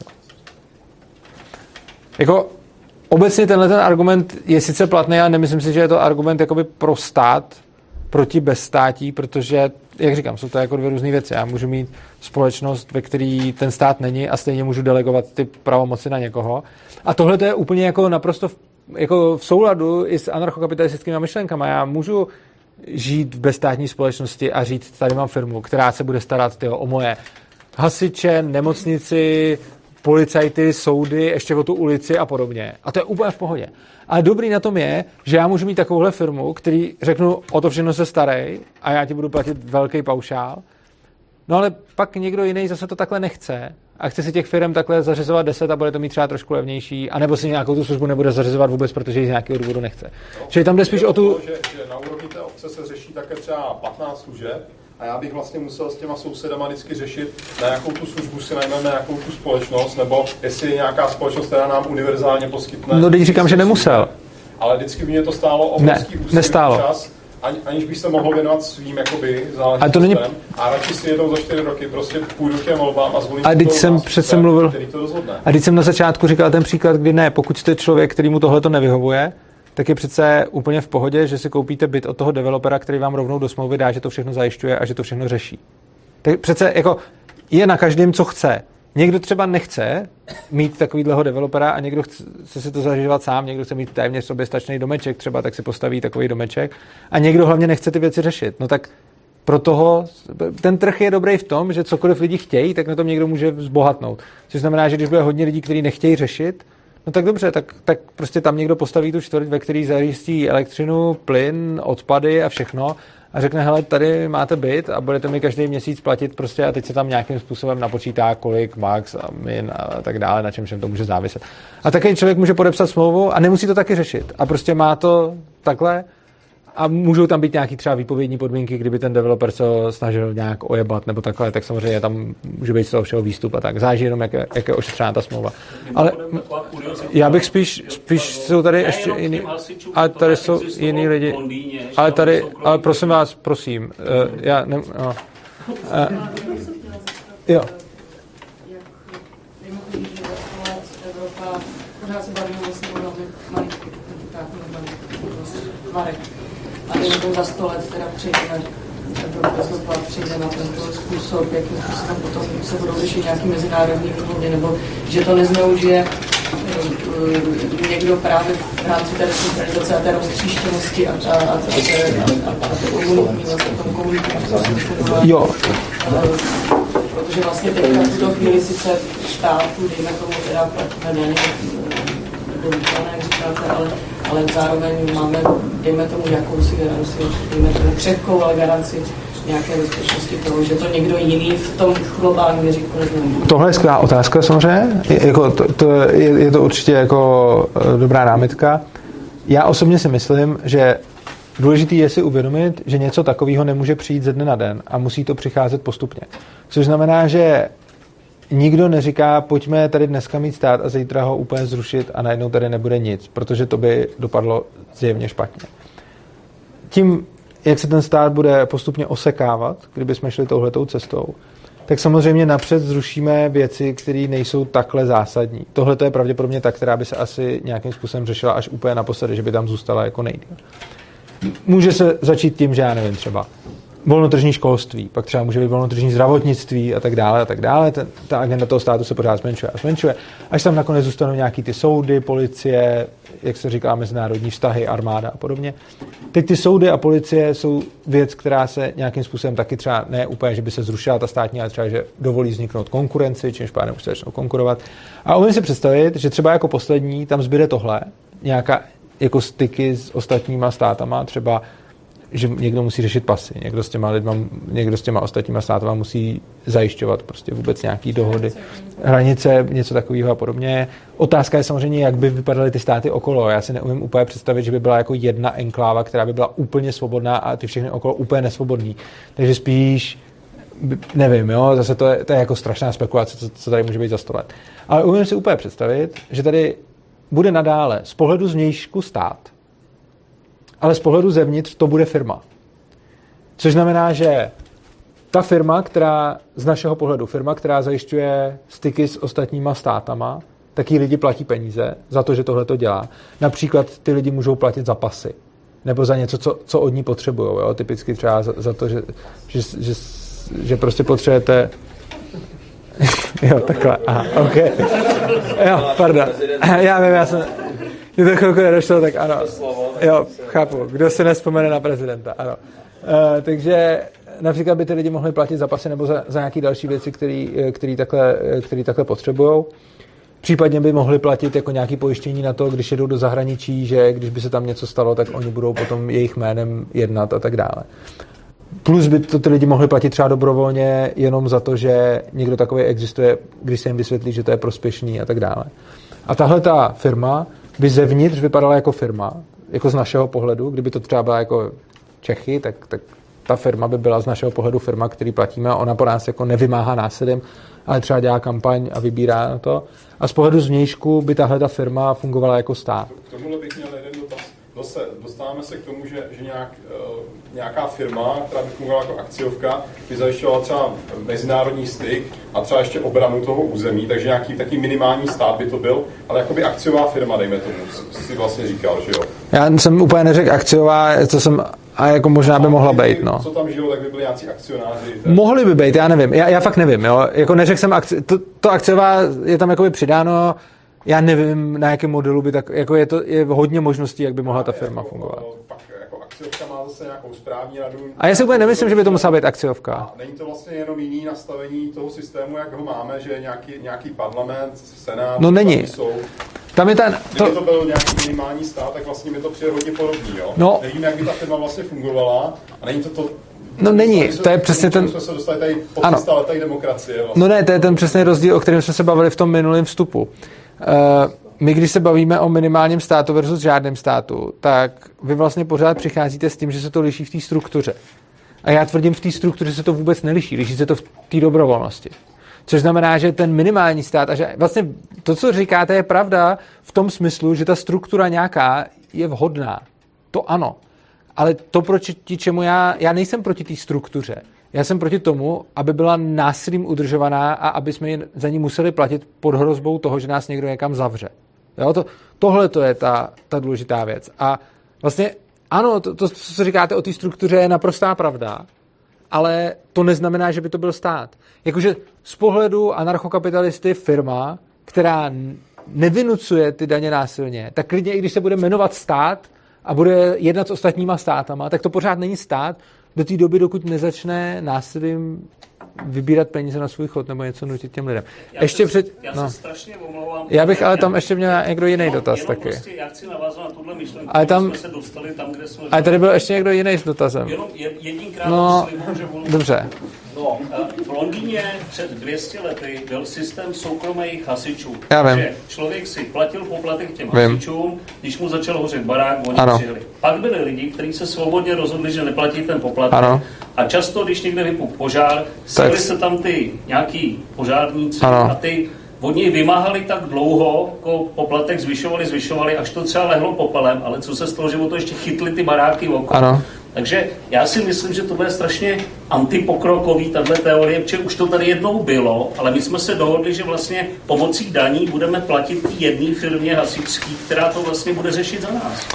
Uh, takhle, uh, problém Londýna a hasičů, máme na tom třeba na Mises institutu zrovna na tohleto téma, máme strašně moc uh, článků, který tam, o tomhle tom přesně tam psal Hinek Řihák. Uh, je to dost podrobná analýza toho, jak to v tom Londýně vypadalo. A on hlavní problém Londýna a hasičů byl, že Londýn byl strašně velký a narvaný úplně dřevěný město, ve kterém se svítilo svíčkama. To, že tam hořelo a že to byl problém, není dáno tím volným trhem, protože ono to nebylo tak, že poté, co tam přestali být hasiči volnotržní a začali tam být státní, tak byly požáry vyřešený. Ono to tak prostě nebylo. Ten Londýn několikrát lehnul popelem a ano, máte pravdu, že tam byl problém s černým pasažerstvím. Úplně si teda nemyslím, nebo možná mi není známo, že by to bylo tak, že by ty hasiči tam dojeli a na tom místě vyjednávali o ceně. To, se jim poplatek. Tohle si úplně nemyslím, ale e, tam spíš byl problém toho černého pasažerství, který tam vážně byl, což znamená, že pak se to začalo jako ty požáry rozrůstat a ano, skutečně se dělo to, že někdo neplatil a teď, protože neplatil, tak se od toho potom ten požár začal šířit. Nicméně ono jim potom došlo, ono se to takhle stalo, ale velmi rychle jim potom došlo, těm, co si ten poplatek platili, že je v jejich zájmu to hasit. Takže se potom začalo dít to, že oni to někdy hasili i v případě, že to neměli zaplacený, přesně proto, že věděli, že se ten požár pak rozšíří. Ale obecně ten problém s těma hasičema tam potom byl i poté, co se ty hasiči udělali unifikovaný. A byl to prostě problém dřevěného města, který je strašně nahuštěný. Mělo, jako ten byl strašně přelidněný tehdy na, na ty na, na ten způsob života, jako na, na tehdejší technologie, to bylo extrémně přelidněný a dřevěný město, což znamená, že furt hořelo a ten oheň tam byl velký problém. Což znamená, že není to tak, jak jakoby naznačujete, byli tam volnotržní hasiči a to město furt hořelo a pak tam přišli státní hasiči a ono hořet přestalo, tak to nebylo. Ono furt hořelo, pak tam přišli státní hasiči, ono dál furt hořelo a potom v momentě, kdy, eh, potom v momentě, kdy ty stavby se začaly stavět nějakým trošku chytřejším způsobem, nebyly třeba už tolik dřevěnější, byly třeba potom už víc kamenný a tak dále, tak se, ten, eh, tak se to šíření toho eh, požáru jako zabránilo. Čili jako je pravda, že Londýn byl místo, kde byli soukromí hasiči a zároveň tam byl problém s požárem, ale pak to bylo i místo, kde byli státní hasiči a zároveň tam byl stále problém s požárem a není tam úplně tak ta korelace mezi tím, že volný trh byl průser a stát byl záchrana, ale spíš to bylo hodně dřevěných, nahustěných domků plných slámy a svíček byl průser a v momentě, kdy se to trošku postavilo jinak, tak, tak to bylo řešení. Ano. K tomu napadá jenom jedna věc, že vlastně ty, ty lidi, kteří si platí za ty hasiče, tak se zároveň můžou zvýšit pojistku o to, aby hasili sousedy vyhořeli, že jo? Jako tím je to vyřešení. Uh, samozřejmě můžou. Já mám třeba nějakou pojistku, když mi skoří barák, tak mi pak ještě, když se připlatím, zlikvidují ty trosky, které jo. Takže tohle se dá řešit taky smluvně, že Sam, takhle, ano dá, samozřejmě je tam ten problém toho černého pasažerství. Ten tam, ten tam bude vždycky, protože... Ještě bylo na tvý jedný přednášce o těch hasičích, to bylo, že vlastně tady v Čechách to taky existuje, protože v těch obcích, kam jedou hasiči tady z Prahy, tak oni mají ty dobrovolné hasiče a vlastně Maj. to funguje, že jo? Jako je pravda, že třeba pak v Dánsku většina eh, trhu s hasičema je už teď jako soukromá, jo? čili prostě v Dánsku tuším, já teď si nepamatuji, zaprvé je tam nějaká firma Falk, která tuším má asi 60% toho trhu a celkově tuším, že soukromí firmy v Dánsku mají asi 90%. Možná teď kecám, jo, nemám to úplně teď zrovna v hlavě, ale mají tam fakt jako většinu uh, trhu jako soukromí firmy. A, tady kolego, víte, kolik státních peněz se nosíte do dobrovolných hasičů? A, Já to vím, jsem dělal pro ČSSD. No ale, no ale v tom, v tom Dánsku mají ty soukromí hasiče a neděje se tam vlastně tenhle ten katastrofický scénář. Jo. Čili, čili tam tam jsou to soukromé firmy, které si za to prostě normálně účtují prachy a nějakým způsobem to tam dokážou dělat. Jako samozřejmě nemají úplně 100% trhu, ale většinu toho trhu tam mají soukromí a menšinu mají státní, takže i včetně těch dobrovolných. Jo. Takže jako i v dnešní době existuje ta praxe a není to tak, jak vlastně bychom se mohli obávat. Tak nějaký, ano? Třeba jak jste rozváděl tu myšlenku, že když 51% lidí se shodne na něčem a vymůže to na těch zbylých 49% a není to v tu chvíli správný, tak nemůže se v tady tom systému stát, že na nějakém území nebo řekněme obci, tak se 51% lidí rozhodne zaplatit jednu firmu, která má jakoby moc nad tím územím, řekl bych. A ta firma má v tu chvíli nejvíc peněz, vymůže tam tady tu myšlenku a ono následně můžou v tu chvíli vlastně vymoct nějakou, nějaký akt na těch zbylých 49%.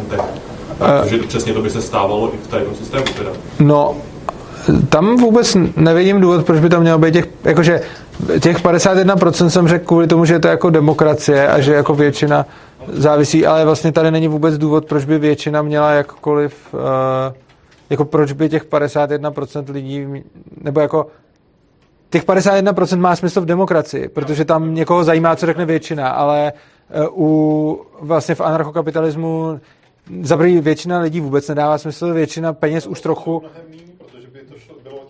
Většina peněz, pozor, většina peněz už by smysl dávala, ale ono nestačí prostá většina peněz. Ono, narážíme na to, o čem jsem tady mluvil. Ono prostě mít nejvíc peněz pořád ještě neznamená, že si můžu všechny zotročit, protože já, když budu bojovat s tím, kdo má druhý nejvíc peněz, tak uh, pořád na to můžu strašně moc vykrvácet a najednou už nebudu mít nejvíc peněz, protože, se, protože ta válka je drahá. Že? Já si nemyslím, že to by možná nebyl ani žádný boj. Proč by někdo s nimi bojoval? Oni s nimi nechtějí bojovat, ta druhá strana. No, já si myslím, ale že tam to pak cílí na to, že chvíli, kdy mají takovýhle, takovýhle vliv tam, tak je to z toho důvodu, že jako ty lidi to chtějí.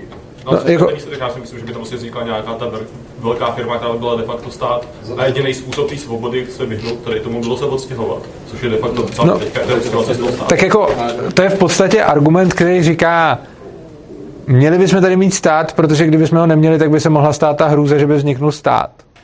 Což podle mě úplně jakoby nedává smysl.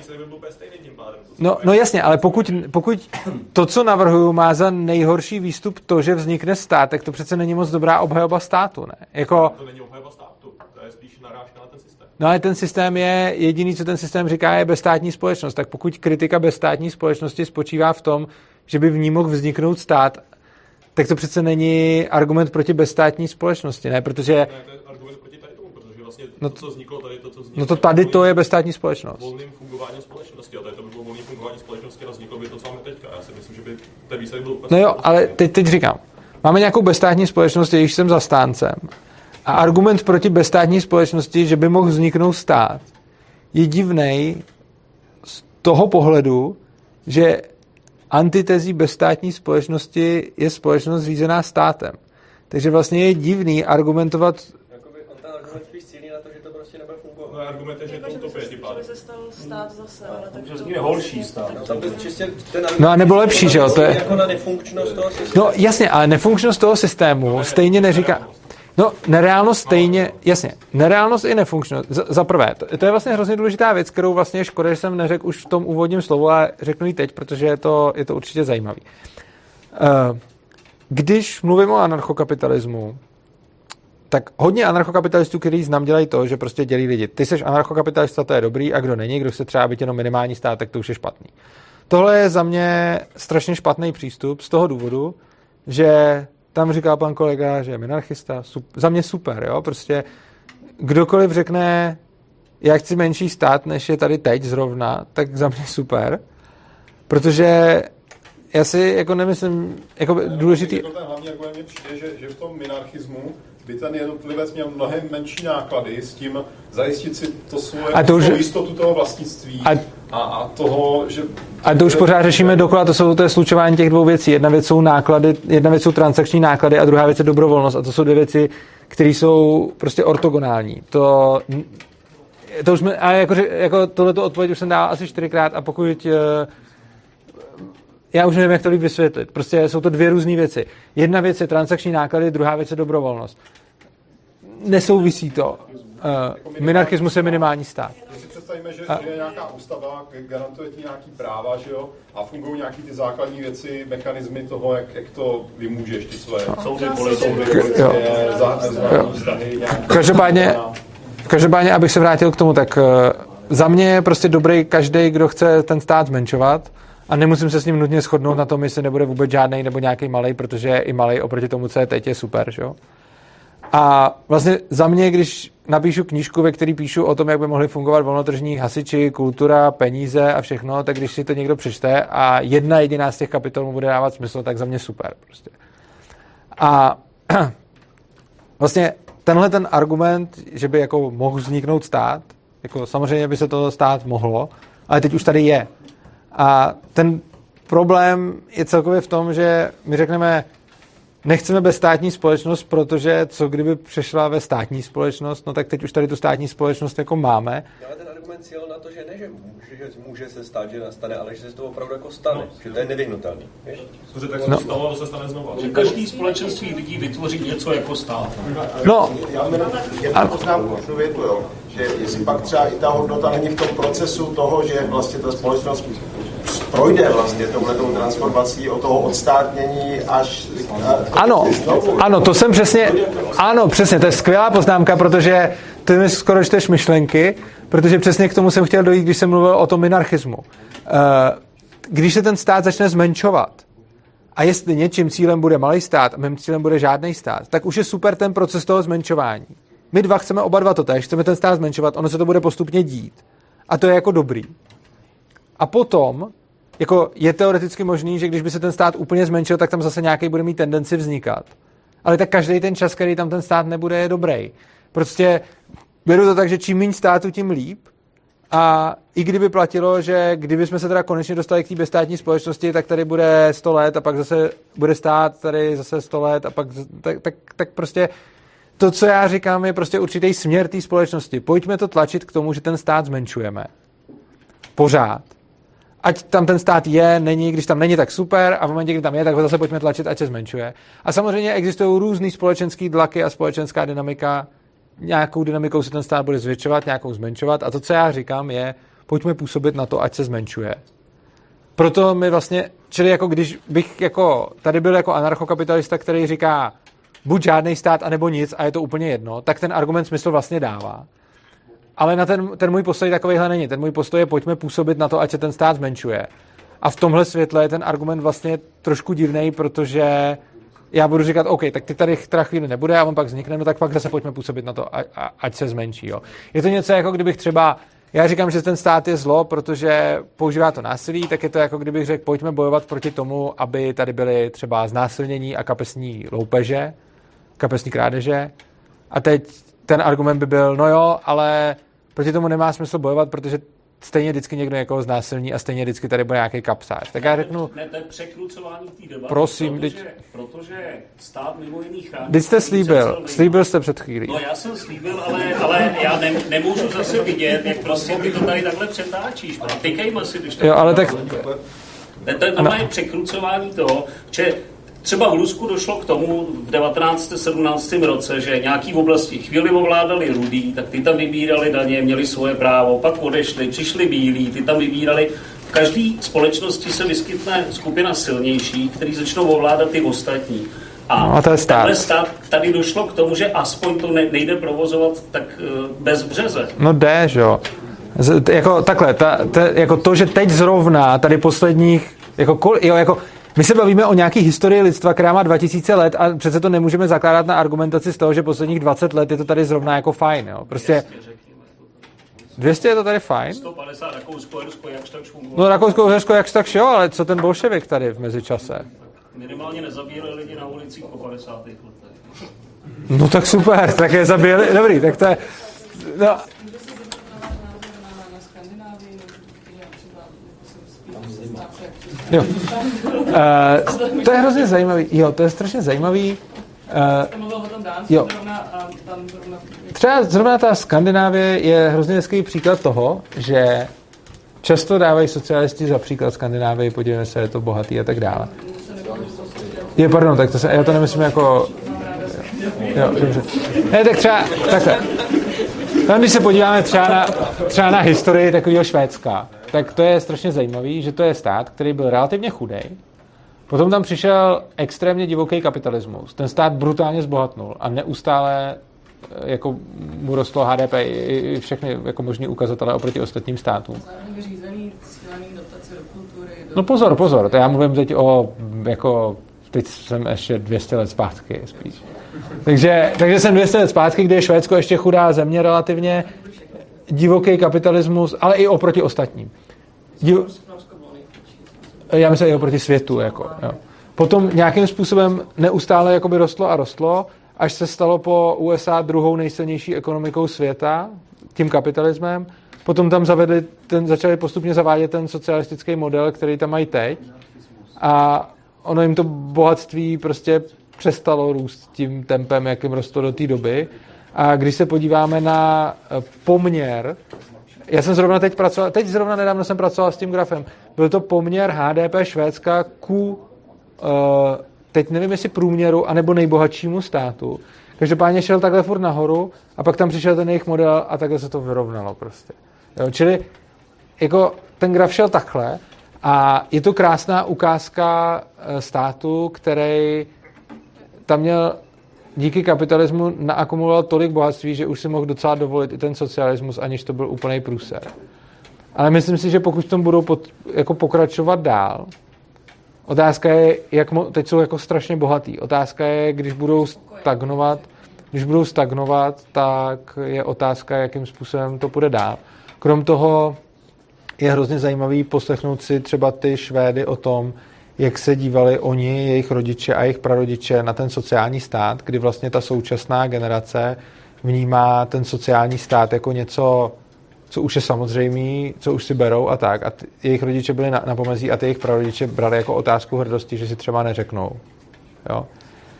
A dochází tam k dost zásadní jako změně v té společnosti na tom, že ty lidi, kteří dřív byli hrdí lidi na to, že, si, že se o sebe postarají sami, tak teď berou jako, že mají nárok na to, aby se o ně staral někdo jiný. Otázka je, co to s tou společností v dlouhodobém horizontu udělá. To, že teď jsou na tom dobře, je pravda. Každopádně nejsou na tom dobře díky tomu modelu, který tam teď mají, protože ono se stačí podívat na to, jakým způsobem bohatli. A bohatli fakt, když tam ještě tenhle ten model neměli. Pak byli strašně bohatý, ten model tam zavedli.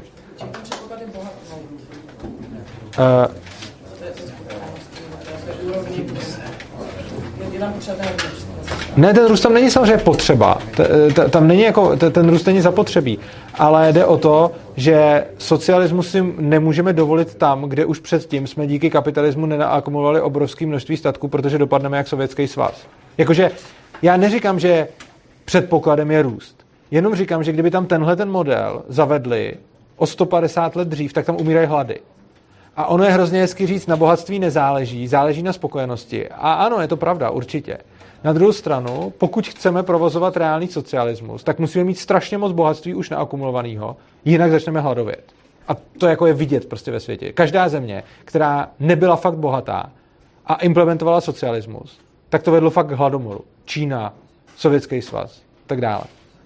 Takže je, jako samozřejmě já neříkám, že jediný měřítko je bohatství, ale říkám, že kdyby tam to bohatství díky tomu kapitalismu nebylo a oni začali ten socialismus provozovat v té míře, v jaký ho provozují, tak tam prostě hladoví a pak už by tak šťastní nebyli.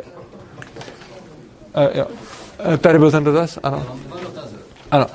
První z nich teda souvisí jako obecně společností. Že představme, že teda samozřejmě máme nějakým způsobem vyspělou společnost a vezmeme si třeba týka České republiky.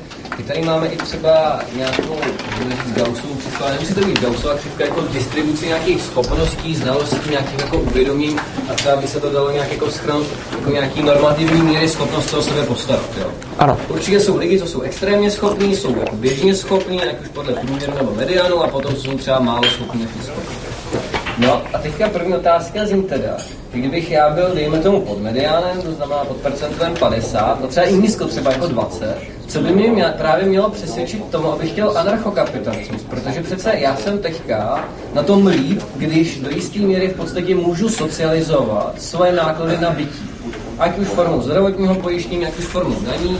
Mně se třeba vyplatí, že když mám malý příjem, nejsem třeba zrovna úplně nejinteligentnější, práci mám, ale neberu moc peněz, tak mně se vyplatí, že vlastně ty náklady toho bytí, té společnosti, jak už je to hromadná doprava, která je třeba jako hrozně drahý institut, nebo třeba veřejný zdravotnictví, když to nese někdo jiný. Tak co by mě mělo přesvědčit k tomu, abych právě byl zastánce jako anarchokapitalismu? Dvě odpovědi. Uh, za prvé, je třeba si uvědomit, že ten stát je neefektivní, což znamená, že ta neefektivita spotřebovává spoustu zdrojů.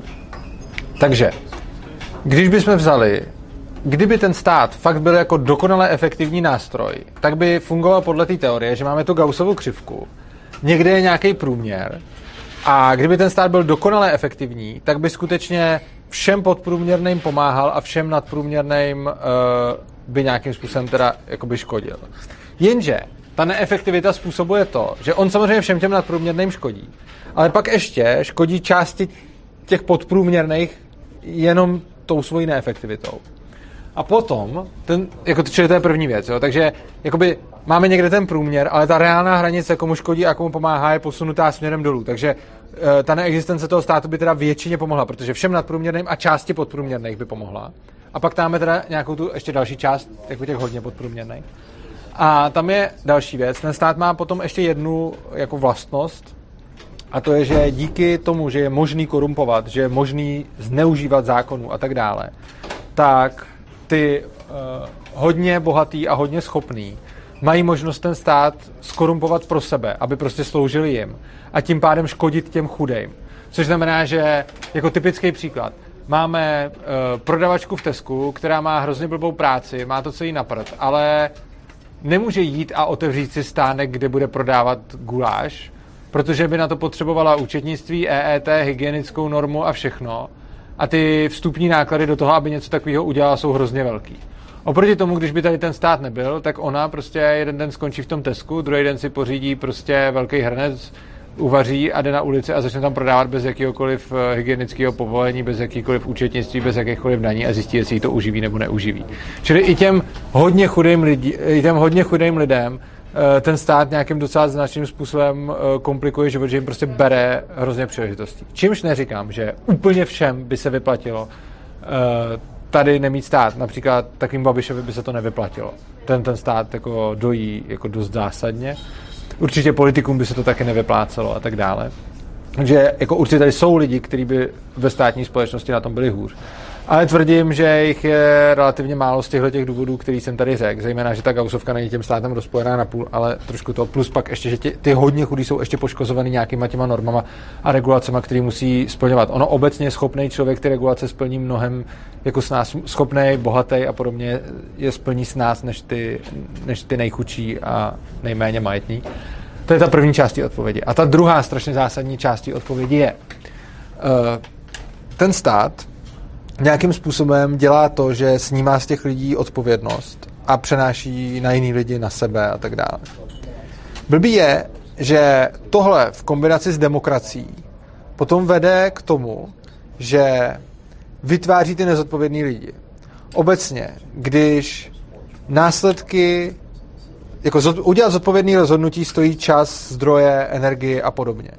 Pokud následky nezodpovědného rozhodnutí jsou snižovány, tak se z čistě ekonomického hlediska tolik nevyplatí dumat nad tím, jak udělat rozhodnutí zodpovědně. Blbý je, že když to zkombinujeme s demokracií, tak dojdeme k následující věci. Máme politika, který nabídne lidem, že vezme trošku zodpovědnosti z jejich života a přenese ji na nějaký jiný lidi. Když si tohle ty lidi odhlasují a ten politik to skutečně udělá, tak se najednou začne vyplácet chovat se nezodpovědně. Což znamená, že víc lidí se bude chovat nezodpovědně. Najednou je víc voličů, kteří budou volit takového politika. A tím se roztáčí takováhle spirála. Čím víc lidí je nezodpovědných, tím víc lidí bude volit politika, který bude pře- přebírat zodpovědnost od lidí na stát. A čím víc bude přebíraná zodpovědnost od lidí na stát, tím víc lidí bude nezodpovědných. Protože oni v tom budou dál vychávat svoje děti a tak dále. Což znamená, že ten obrovský silný argument proti tomuhle je, že my, když tady teď budeme pomáhat nějaký skupině lidí, tak ona se bude rozrůstat. Zcela logicky. Jo, protože bude najednou výhodnější v té skupině být. A tím, jak se bude rozrůstat, tak bude stále silnějším argumentem, proč jim pomáhat. A tím se bude zase rozrůstat. Což znamená, že a ono je to vidět i na dnešní společnosti, která se blíží k tomu, že lidi se pořád víc a víc dávají zodpovědnosti za svůj život a přenechávají na někoho jiného, protože je to prostě výhodnější. A čím více to děje a čím více to výhodnější, tím silnější je to argument pro to, aby se to dělo dál. Což je jako strašně zrádný a je to blbý v tom, že je to takový cyklus, který se prostě pořád, ten problém se jako bude pořád zvětšovat. A je to mimochodem vidět na vlastně všech západních demokraciích, jako, že to, to se děje vlastně úplně všude, jenom jiným tempem. Třeba když se podíváme do Švýcarska, tam se to děje pomaly, a ať se podíváte na Spojené státy, Německo, Švýcarsko, Českou republiku, Velkou Británii, tak obecně všude to má tu samou společenskou dynamiku. Neustále se zodpovědnost od lidí převádí na ten stát, což nemůže nikdy skončit dobře. To, to končí totalitou prostě.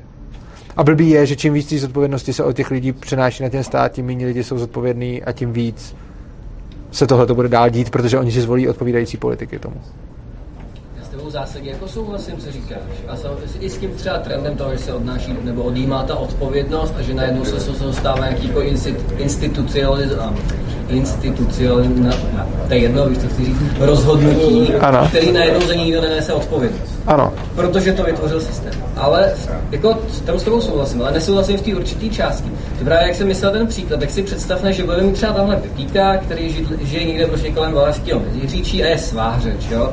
Vydělá si 13 tisíc hrubýho, to znamená, že třeba za nějakého skoro ideálního kapitalismu, anarchokapitalismu by měl třeba dneska v ekvivalentu něco kolem 40, dejme tomu třeba. Ale neměl by potom žádný jako službu.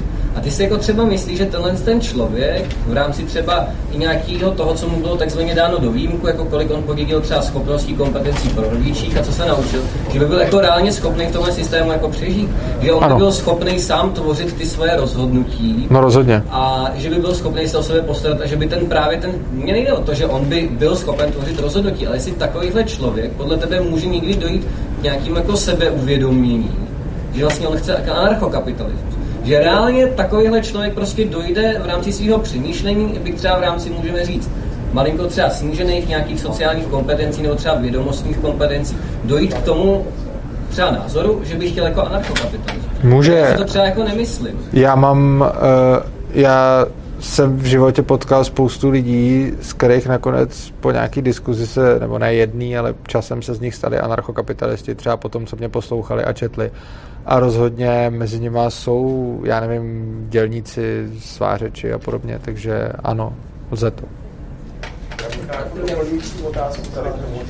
Že no vlastně ten anarchokapitalismus v podstatě jako uh, vyžaduje vlastně jako určitou zralost a právě tu zodpovědnost, jako kompetentnost vlastně se postarat vlastně sám o sebe. Jako, a uh, vlastně, když se podíváme vlastně kolem sebe, že jako v dnešní společnosti, jako vidíme, teda, už jste i sám říkal, že vlastně ta tendence je spíš vlastně, že, že, že to schopnost se vlastně jako snižuje.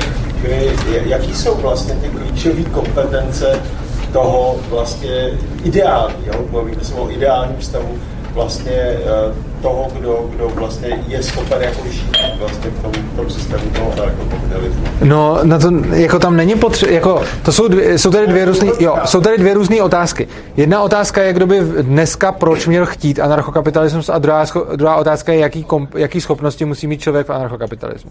No, schopnosti člověk v anarchokapitalismu musí mít úplně stejný, jako má teď, když si řeší jakýkoliv komerční věci. Což znamená, že jsou to ty schopnosti, které člověk potřebuje na to, jít do práce, o tu práci nepřijít, dostávat nějaký prachy, zařídit si smlouvu na telefon, zařídit si, já nevím, smlouvu na, na, na byt a tak dále, tak k tomu by si ještě zařídil smlouvu na hasiče a, a, a bezpečnost prostě, jo. jako do základu. Takže ta.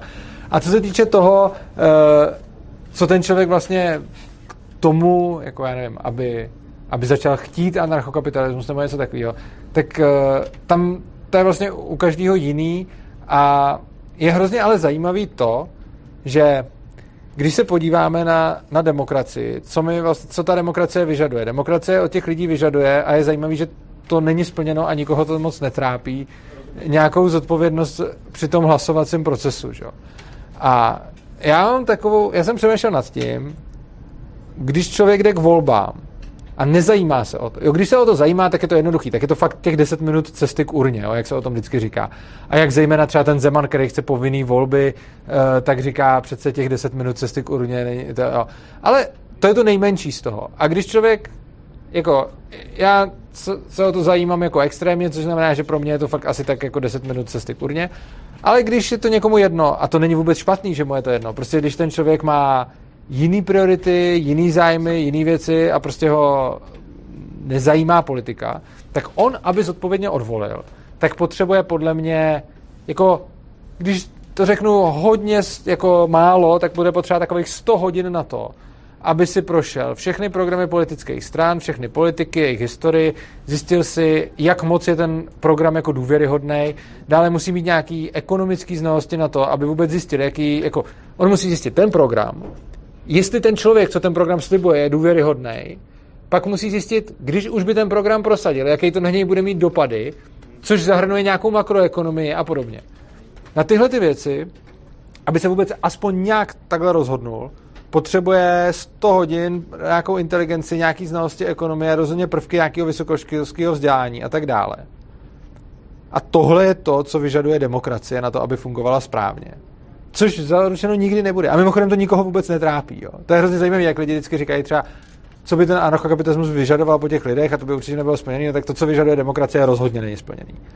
A oproti tomu v tom anarchokapitalismu ten člověk na to, aby se o sebe postaral, potřebuje umět jít někam smažit hamburgery a pak si uzavřít smlouvu na telefon, e, zdravotní pojišťovnu, hasiče a policii.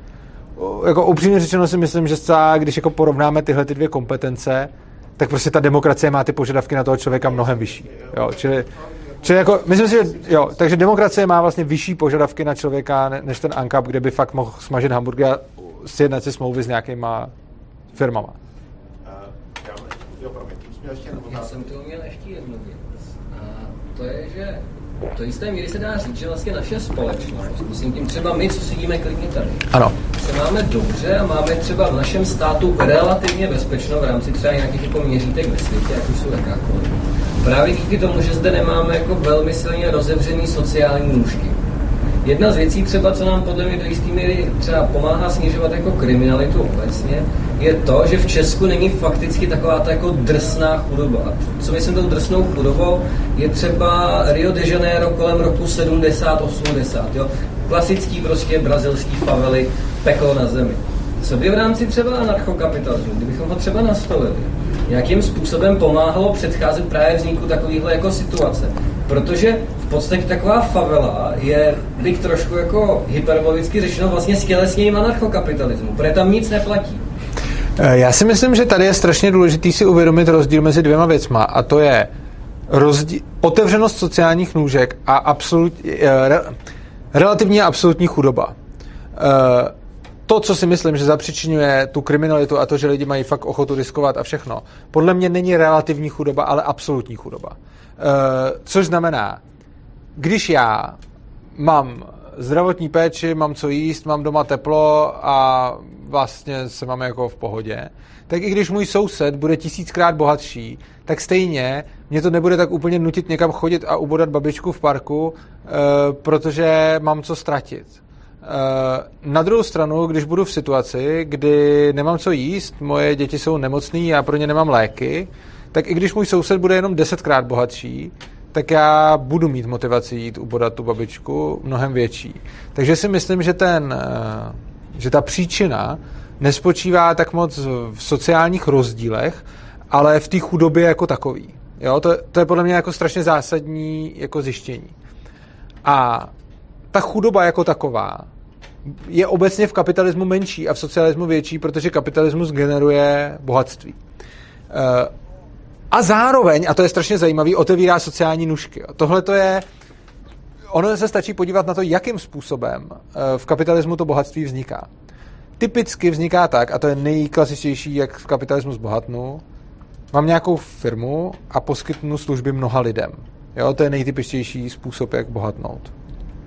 Někdo třeba přijde s nějakým vědeckým vynálezem a mně se povede ho aplikovat do svých výrobků a dodat ty výrobky milionu lidem.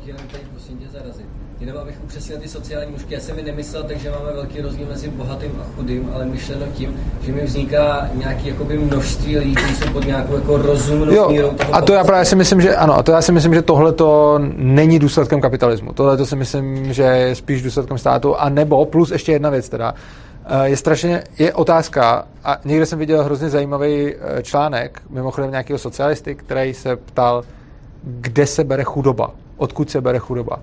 Já jenom jsem viděl ten nadpis, tak si říkám, ty bláho. No, chudoba tady byla vždycky. To je defaultní stav. Původním stavem všeho je chudoba. Protože původním stavem, stavem všeho je džungle, tam je chudoba prostě. A pak přichází kapitalismus, který tu chudobu vymicuje. Rozhodně ne socialismus. A tím, že někam dám volný trh, tak ty lidi začnou dělbu práce a začnou spolu směňovat a tímhle tím se vymicuje chudoba. A jak jsem říkal, jakým způsobem vzniká bohatství v kapitalismu, No, například někdo třeba, nikdo nemá ledničku, všichni si nosí led do sklepa, nosí jim ho tam ledaři a někdo potom přijde s tím, že udělá ledničky a začne ty ledničky všem prodávat. Co se stane? Ten jeden strašně moc bohatne, ten podnikatel, ale všichni ostatní zbohatnou trošku. Eh, ne finančně, ale tím, že mají tu ledničku.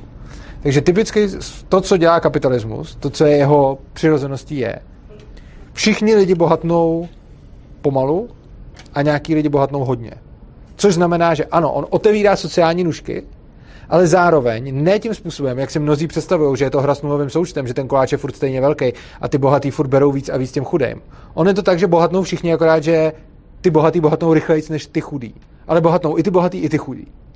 Jo, to, to je reálný kapitalismus. Že vlastně bohatnou všichni, akorát, že některý bohatnou rychleji. A můžeme si buď vybrat, že budeme mít kapitalismus, kde budou bohatnout všichni, bohatý pomalu teda uh, chudý pomalu, ale bohatnout a bohatý rychle a taky bohatnout.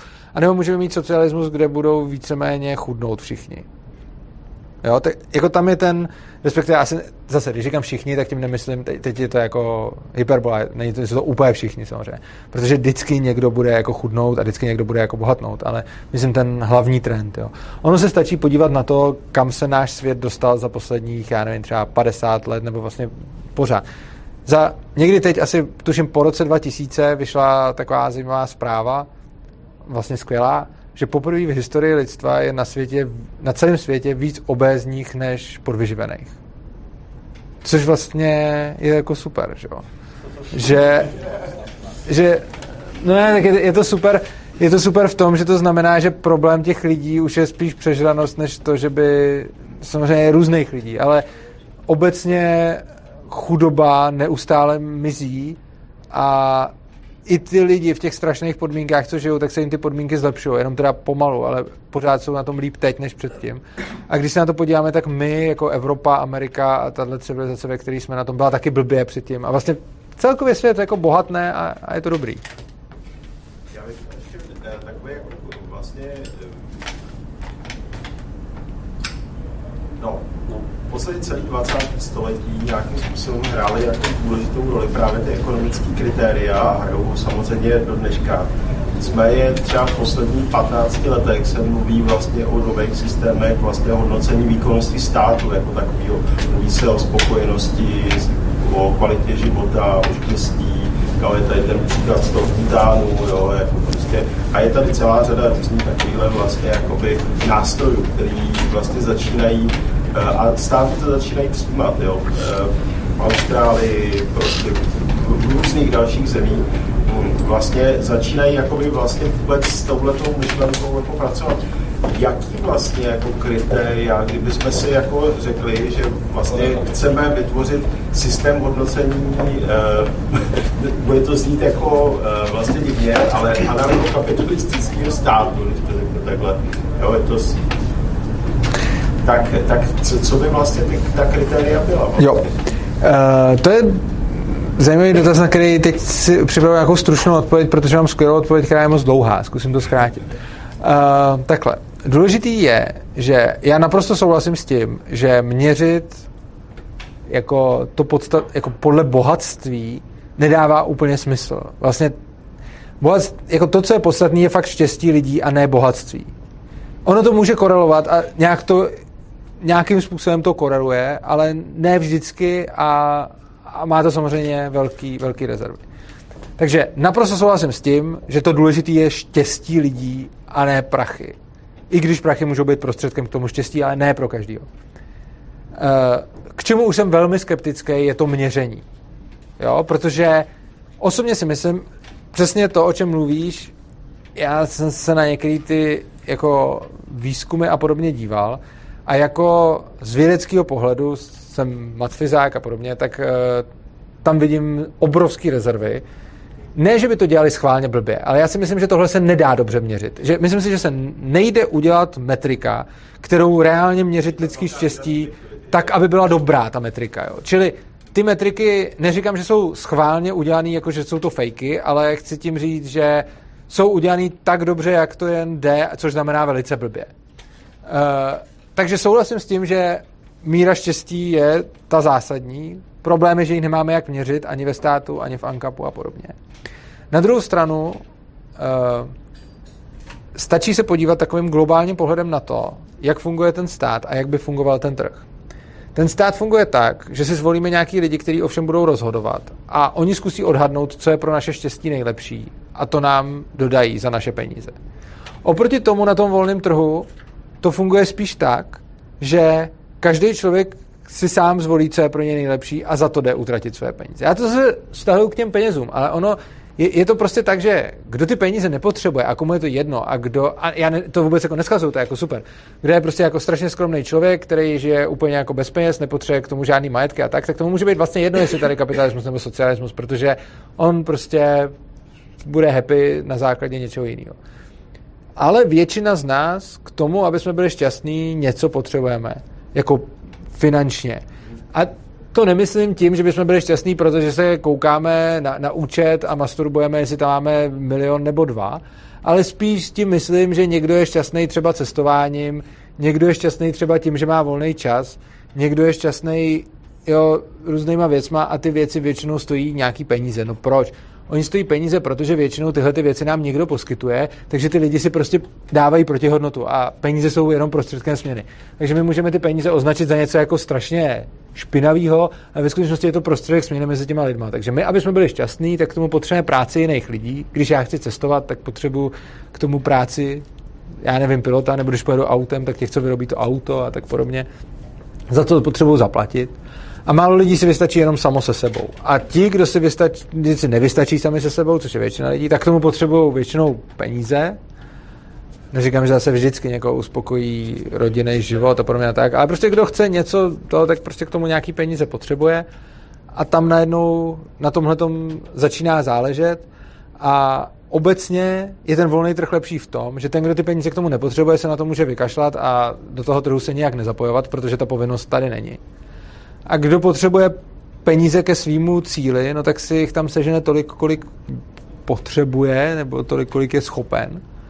A přijde mi, že obecně, když, když dám tu odpověď jako z toho nejvíc top pohledu, tak člověk sám si dokáže za svým štěstím líp jít, než za ním dokáže jít nějaký úředník jako pro něj.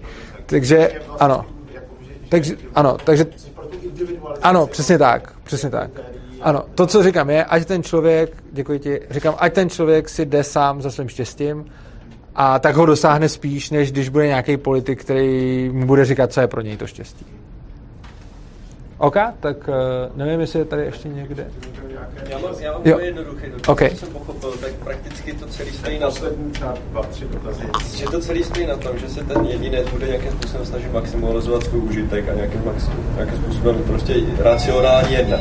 Mě zajímá, co se stane ve chvíli, kdy toto selže, že on to nebude dělat. Dám příklad, řešili jsme ty silnice, Máme, máme prostě kus silnice, kdy, kterou on vlastní. Místo toho, aby se rozhodl, že se tam teda vlevo jezdit nebude, protože by to lidi na straně mu tam přestali jezdit, tak si řekne, jo, ale já chci, aby se tam jezdilo vlevo a aby se tam nevím co, aby se tam jezdilo jenom v Trabantu. A teď pozor, když je to na takovém místě, že k tomu nejde udělat alternativa. To znamená, že to třeba bude v, mezi dvěma skálama, nebo někde to nejde obět, nejde to obstavět, nejde, ne, nebo se dá jet jinudy, ale stojí to moc nákladů. Jak se tohle tam řeší? Vždycky je alternativa, ale eh, teď jsou to dvě, jsou to teď dvě, méně, jako jsou tady dvě spojené věci, které se splácí dohromady. První věc je, co s tou silnicí, obecně na to je odpověď, vždycky existuje alternativa a kdyby ne silniční doprava, tak železniční doprava a tak dále a tak dále. Ale ta důležitější věc, co byla na začátku ty otázky, co když někdo nebude maximalizovat svůj užitek? To není pravda. Ten člověk, co tohle udělá, taky maximalizuje svůj užitek. Prostě my obecně maximalizujeme svůj užitek. A to nemusí být finanční užitek. On to vlastně skoro nikdy není finanční to užitek. Že si prostě nechová racionálně. Ale co to znamená, že se nechová racionálně? No to znamená, no pozor, to je právě otázka. On, jako, záleží, jak definujeme racionalitu. Ale já bych tohleto slovo vynechal, protože třeba rakouská škola definuje to slovo úplně jinak, než, ho, než se definuje jako běžně. Ale spíš, jako, když se začne chovat takhle, tak to dělá proto, že maximalizuje svůj užitek. Ano, ale a, tím problémy. Ale já vycházím z toho, jo, já vycházím z toho, že ty lidi maximalizují svůj užitek a ta, a ta námitka byla, co když někdo nebude maximalizovat svůj užitek. Já říkám, to se neděje. Lidi maximalizují svůj užitek, i když to není finanční užitek. A když se někdo rozhodne, že prostě chce mít nutně silnici, kde se jezdí vlevo a trabantama, tak tohle je takový to nedomyšlený plochý, jenom jak by udělal problémy. Ale ten člověk z toho musí mít nějaký užitek, jinak by se tak nerozhodl. A on z toho musí mít větší užitek, než by měl užitek z toho, kdyby vydělával ty velké prachy, že se tam bude jezdit normálně. Což znamená, že pro toho člověka musí existovat nějaká incentiva, která je tak strašně silná, Jo, to, on je ten příklad hrozně divný, jo, protože to, proto se to taky nestává, protože už se teď dostáváme na strašně absurdní půdu. Ale když to připustíme, tak vlastně to, že ten člověk rozhodne, že se tam musí jezdit vlevo a trabantama, tak to znamená, že pro něj tohle musí přinášet větší uspokojení než ty prachy, který vydělá tou silnicí. Což už je samo o sobě divný, ale stát se to může. Ale i když se to stane, tak on tím maximalizuje svůj užitek. A pro něj zjevně je lepší, když je to takhle, než když na tom vydělává. Což mimo jiné ale znamená, že pro něj je to tak strašně dobrý, tahle ta věc, že je to pro něj lepší i než pro ty lidi, kteří mu za to platí. Protože řekněme, že on by na té silnici dokázal vydělat třeba, teď plásme, teď vůbec neřešíme to konkrétní číslo, ale třeba by tam dokázal vydělat 10 milionů měsíčně. A pro něj evidentně, pokud řekne, jezdí se tady vlevo a trabantama, tahle, ten stav, že se tam jezdí vlevo a trabantama, má větší hodnotu než 10 mega měsíčně. A zároveň to ale taky znamená, že pro ty lidi ten stav má menší hodnotu než 10 mega měsíčně, protože oni byli ochotní platit 10 mega, oni tam neplatili 20 nebo 30 a tak dále. A teď se vlastně přebíjejí. Ty lidi můžou říct, hele, tak my budeme platit ještě víc, když nám to necháš. A on třeba si řekne, OK, tak za 20 mega už se mi nevyplatí. Aby, zase, jako ten případ je absurdní, ale je to tím, že jako je divný, že máme někoho, komu se to za 10 mega nevyplatí a za 20 už jo, ale ono je vůbec divný, že se to děje. Ale, ale na tom příkladu to teda budu dál demonstrovat. Ty teda říkáš, že takový lidi nebudou existovat. Ne, neříkám. Ne, to jsem, ne, to jsem, ne, já jsem vůbec neřekl, že to je iracionální, ani jsem neřekl, že to nebude existovat. Já jsem řekl, že to je nepravděpodobný. Ale, před, ale když už se to stane, tak to tady je, že řekněme, že pro toho člověka 10, je stav, který mu dává obrovský uspokojení, že tam jezdí vlevo trabanti. A tenhle ten člověk má z tohohle stavu uspokojení, který je větší než 10 mega měsíčně, ale menší než 20 mega měsíčně. Jo? A teď, když jsou zákazníci ochotni zaplatit za tu silnici v součtu 20 mega měsíčně, tak se tam bude jezdit vpravo. A normálně. Když zaplatí jenom 10, tak se tam bude jezdit vlevo a trabantama. A on ani nezaplatí ani těch 10. A to ale znamená, že pokud je stav, že oni jsou schopni zaplatit 10, ale pro něj má hodnotu to, že se tam bude jezdit vlevo 15, tak je tak jsme optimalizovali štěstí, protože pro něj je to evidentně tak strašně dobrý, že se tam jezdí vlevo trabantama, že je to lepší pro něj než pro všechny ty lidi. No. Všechno, to všechno jo. Ale teď mě, jako napadá mě ta otázka, jestli tenhle ten jeho vrtoch stojí za to, že všichni ostatní budou muset platit no, za tu to říkám. No budou... ano, stojí, protože oni byli přece ochotní zaplatit 10 mega za to, že se ten vrtoch nestane. Ale co když, co když jsou ochotní to zaplatit jenom kvůli tomu, že ta alternativa jiná je prostě takovým způsobem složitá a těžká? No tak jsou ochotní, čím těžší a složitější bude, tím víc jsou ochotně zaplatit, ne míň. No, Obecně platí... Je prakticky jenom jeho nějakou... No ano, ale teď, teď o tom mluvím. Když těm ostatním lidem stojí normální ježdění tím místem za 10 mega, ale jemu stojí vlevo Trabantama za 15 mega, no tak je rozumný, a teď řeknu i slovo racionální, aby se tam jezdilo Trabantama vlevo, protože pro toho člověka to má hodnotu 15 mega, zatímco pro všechny ty ostatní lidi to má hodnotu jenom 10 mega, ta silnice. On tím vlastně říká, že pro něj to využití ty silnice, takhle bizarní, má větší hodnotu, než pro všechny ty lidi dohromady má to normální využití. Jo? Samozřejmě se pořád pohybujeme v příkladu, který je divný, protože jsme něj jako přišli, jo? ale jako když to vezmeme na, jako v intencích toho příkladu, tak je jako hrozně důležité si uvědomit obecně tyhle ty věci. Když je nějaký využívání nějakého prostoru, tak prostě si často můžeme říct, dobře, tak někdo je podivín a chce ho využívat jinak než hrozně moc lidí, ale prostě ta, ta otázka je jednoduchá. Jsou ty lidi mu za to ochotný zaplatit tolik, aby on to byl vy, ochotný využívat tak, jak oni chtějí? A pokud ano, no tak mu to zaplatí a bude se to využívat tak, jak chtějí oni. A pokud ne, pak to znamená, že on to tak moc chce bizarně využívat, že to chce využívat tak bizarně víc, než všichni ty lidi dohromady to chtějí využívat jako normálně. Rozumím. Jo, OK. Tak jsme říkali nějaký poslední... Jo, tady.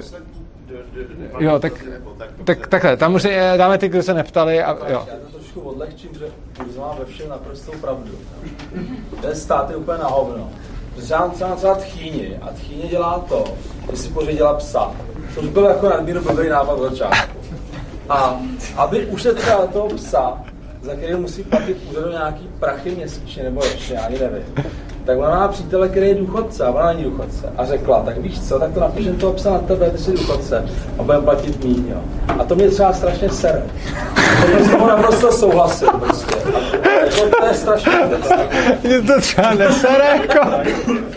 To můžeme odlehčit. Ale já měl tady dotaz, jo. Jako, kolik je v Čechách jako anarchokapitalistů? Jak dlouho tu jsou? A jestli třeba jako se necítíš být jejich předsedou v budoucnu. Takže, uh, vezmu to od prostředka. Jak dlouho tu jsou? Nějakých, nějakých anarchokapitalistů už je tady takhle. Já jsem anarchokapitalistou asi 10 let nebo víc, zajímám se o to určitě víc, určitě třeba 14 let, 15, možná se o, nebo já nevím přesně, ale zajímám se o to už dlouho. A na začátku, když jsem začal být nějakým způsobem aktivní v tomhle směru, což je třeba před deseti nebo více lety, tak na tom začátku jich tady bylo tak asi pět. Ne, to možná kecám, ale jako fakt málo jich tady bylo. Potom jich tady bylo pořád málo a málo. A nakonec v posledních asi dvou letech se nám začalo dařit oslovovat lidi, dostávat se do médií. Měla obrovský úspěch ta knížka. Za poslední rok eh, mám třeba mediálních výstupů, já nevím, třeba já teď nevím, kolik to je, ale prostě nějak, měl jsem nějakou tu PR agenturu, která mi to posílala, to má nějakých třeba v těch prvních měsících třeba 50 výstupů o anarchu. No, tak třeba, třeba v DVTV a podobně. Takže tím, jak se to začalo jako rozšiřovat, tak na to samozřejmě jako se navazuje větší zájem a těch anarchokapitalistů neustále přibývá. Já osobně nevím, kolik jich celkově je, protože nevím, kolik lidí je anarchokapitalistů a nikomu to nikdy neřekli a prostě si něco třeba přečetli a řekli si, jo, je to fajn a, a nikdo to neví, že jo, takže, takže nemůžeme vědět, kolik je. No oni můžou být i to, ale já o nich nemusím vůbec vědět. Ale rozhodně lidi, kteří mě osobně řekli, že já jsem je přesvědčil k anarchokapitalismu, jsou určitě stovky. Těch, co mi to řekli. Uh, určitě bude spousta těch, co mi to neřekli, a pak bude spousta těch, který k tomu přesvědčil někdo jiný, mimo jiné i třeba z těchto těch lidí. Reálně libertariánů, to, což jsou minarchisti a anarchokapitalisti, teda zastánci malého a žádného státu, tady budou nějaký prostě desítky tisíc, asi větší desítky tisíc. A anarchokapitalistů tady podle mě budou nějaký asi tisíce. Jo, ale nevím to přesně, jako to číslo. Možná bych byl hodně překvapený a rozhodně teď v poslední době to strašně moc narůstá. Vlastně český libertariánský hnutí teď je na tom nejlíp, jak zatím kdy bylo a jsme na tom úplně skvěle i v porovnání se zahraničím. Jo. Takže když se podívám na, na zahranič, na, na prostě země, jako jiný země, tak jako jsou nějaký, kde, mají, jako, kde má to libertariánství svoji jako tradici, ale Česká republika momentálně s tím, jaký se tady teď odehrává ten boom, patří vlastně mezi asi ty nejlepší, protože my tady máme teď jako strašně dobrý lidi, kteří na tom pracují a je tady opravdu hodně libertariánů, kteří tomu dávají strašně moc, dělají, dělají prostě všechno možný, aby to dal prostě... Třeba tebe a profesora Šímu. No Šíma, no, ale, a co Tereza, která tady třeba sedí, že jo? Ta Tereza je další, ta Tak jasně. Dominik Stroukal, prostě tady máme spoustu mladých, Vláďa Krupa, Martin Pánek, pak máme spoustu mladých nových autorů, který prostě teď začínají psát. No. Takže prostě je, je, je prostě libertariánů přibývá, anarchokapitalistů taky, žádný čísla nemáme. A jsou tady už dlouho, ale bylo jich hrozně málo, až teď poslední dva roky je to nějaký, řekněme, spopularizovaný, se to konečně povedlo. Vlastně jsme se o to snažili dlouho a konečně se nám to povedlo spopularizovat. Tak jsem libertarián. Do prdele. A, no a co se týče toho předsedy, tak to je tak hrozná myšlenka, eh, že... Pro. Ne, no protože to je hrozný, že jo, protože uh, já nechci, aby mě lidi nějakým způsobem následovali nebo něco takového. Já chci, aby lidi o tom přemýšleli a aby si dělali vlastní názory. A, a, Že by si měl takový šerpu předseda vždycky na těch ne, ono, já já chápu, že, já chápu, eh, že to vtip, ale ono hodně lidí takovýhle poznámky k tomu potom myslí vážně a mě to... Ne, já na tom, já na tom vlastně nemám rád to, že hodně lidí nechápe, že tohle není třeba politická strana, že nejsme instituce, že já, já vím, že to, že to byla legrace, ale chci tady vlastně říct, že nejsme nějaká instituce, že nejsme někdo, kdo by měli předsedu, kdo by jsme se volili, kdo by jsme hlasovali a nějakým způsobem se utvářeli názory. Tohle je prostě to, co já chci, je, aby o tom lidi přemýšleli a jestli se ten člověk označí za anarchokapitalistu nebo ne, je mi v zásadě jedno a vlastně mám mnohem větší radost. Občas, teď poslední dobou, tak ty dva roky, dostávám třeba několik mailů denně, kde mi lidi píšou od věcí, které jsou úplně nepublikovatelné, až po hezké věci. A vlastně já mám větší radost z mailu, když mi někdo napíše, přečetl jsem si tvoji knížku, souhlasím s tímhle, s tímhle, s tímhle, ale nesouhlasím s tímhle, s tímhle a s tímhle. Řeknu super, ten člověk nad tím přemýšlel. A mám z toho větší radost, než když mi někdo napíše, viděl jsem tvoje přednášky a teď jsem anarchokapitalista úplně nejvíc a, a, a, a tak. A prostě to, to, co chci, je, aby lidi o tom přemýšleli daleko spíš, než aby se nějak nálepkovali. Jako, samozřejmě chci, aby tady bylo hodně anarchokapitalistů a ne takových, kteří si tak říkají, ale ty, kteří si tak myslí. Takže mám radši anarchokapitalistů, který tak uvažuje a neříká si tak, než toho, kdo si tak říká, ale pořádně ani neví, co to je. Protože se samozřejmě už setkáváme s tím, s čím všechny věci, které se trošku popularizují, a to s tím, že prostě se do toho dostávají lidi, protože to je cool. Což je jako na jednu stranu super, na druhou stranu je, to má své nevýhody. Já to musím polichodit, jo. A jsem na ženský teda. Ale když jsi byl ty, tak jsem o to věděl úplný hovna, zatím se říct Tak to jsem rád. tak a tady jsme měli ten poslední asi dotaz někoho, kdo se ještě neptal. Jo. Uh, tak na začátku, když jsi mluvil o těch penězích a kryptoměnách, tak uh, si řekl výraz opt-out. Ano. A to tak správně, že vlastně celý anarchokapitalismus je strašně o tom opt-outu. Ano. Že vlastně, i když tady mluvíme o tom, že by asi vzniknul nějaký stát, že by asi si založil lidi nějakou společnost, která by vlastně fungovala jako stát, tak by to třeba taky fungovalo, takže ale lidi by mohli z toho jako odejít jo. A, a, založit si nějakou jinou, která tak vůbec nefunguje, Přesně tak. nebo něco takového. A to je, to je prostě, to je prostě klíčový, že? stejně jako Jakub Bavera, který nechce poslouchat, tak může jít tady dolů, prostě je to jako v pohodě a můžeme se tady debatovat. Přesně tak. Prostě takovýmhle, takovýmhle stylem by to fungovalo, takže si myslím, že spousta těch strašně detailních věcí, co tady řešíme, by se jako vyřešily sami do nějakého rovnovážného stavu, jako tržně. Nicméně si myslím, že takový úskalí je tam v tom, jak by se do toho došlo, do toho rovnovážného stavu, že vlastně jako by ta cesta je strašně důležitá, stejně jako vlastně spousta ekonomů řeší, jak funguje trh, když už je, a neřeší, jako, jak vznikne. Že? Někde tam může prostě vzniknout šílený monopol nějakým jako přirozeným vývojem, třeba když izoluješ to, jak vzniknul energetický trh teď tady v Česku, tak vzniknul šíleným monopolem nějaký jedné firmy, protože vlastně je to socialisticky vybudované a tak dále. Takže vlastně ty reální problémy anarchokapitalismu by vznikly až jako vlastně tím, Přechodem od státu, ano, souhlasím. Ano, Ano, vlastně super, velký souhlas. o tom mluvíš jako o strašně důležitý věci, že se k tomu musí dojít nějakým míru milovným způsobem. Naprosto s tebou souhlasím. Děkuji za připomínku. A ten poslední dotaz tady. Já jsem měl teda plně připomínku dotaz, protože si chtěl povědět, že jsi tady 15 minut nebyl, takže možná mě něco uniklo. To nevadí. Ale jako mi přijde, že pracuješ s modulem, že si všichni lidi se tak to rozhodují racionálně. Ne. Právě to tak na mě tak působilo, Ok. že jako všichni jako ekonomové zjistili, že ty spotřebitelé nebo lidi se racionálně nechovají. A pak je ta otázka, ty jsi vlastně mluvil o státu, kde vlastně... Já napřed odpovím na tu připomínku, abych to... Jo. Uh, Rakouská ekonomická škola právě, na který je založený anarchokapitalismus, strašně moc kritizuje ten model homo economicus, toho jakoby racionálního člověka. Je paradoxní, že ano, Rakouská ekonomická škola sice pracuje s, rako, eh, s racionálním člověkem, ale ten pojem racionality je tam definovaný úplně jinak, že do něj zapadá prakticky úplně všechno. Což znamená, že tam je vlastně řečeno, že racionální člověk maximalizuje svůj užitek, což maximalizuje každý a maximalizuje to i ten, kdo chce růžový trabanty, aby jezdili vlevo po jeho silnici.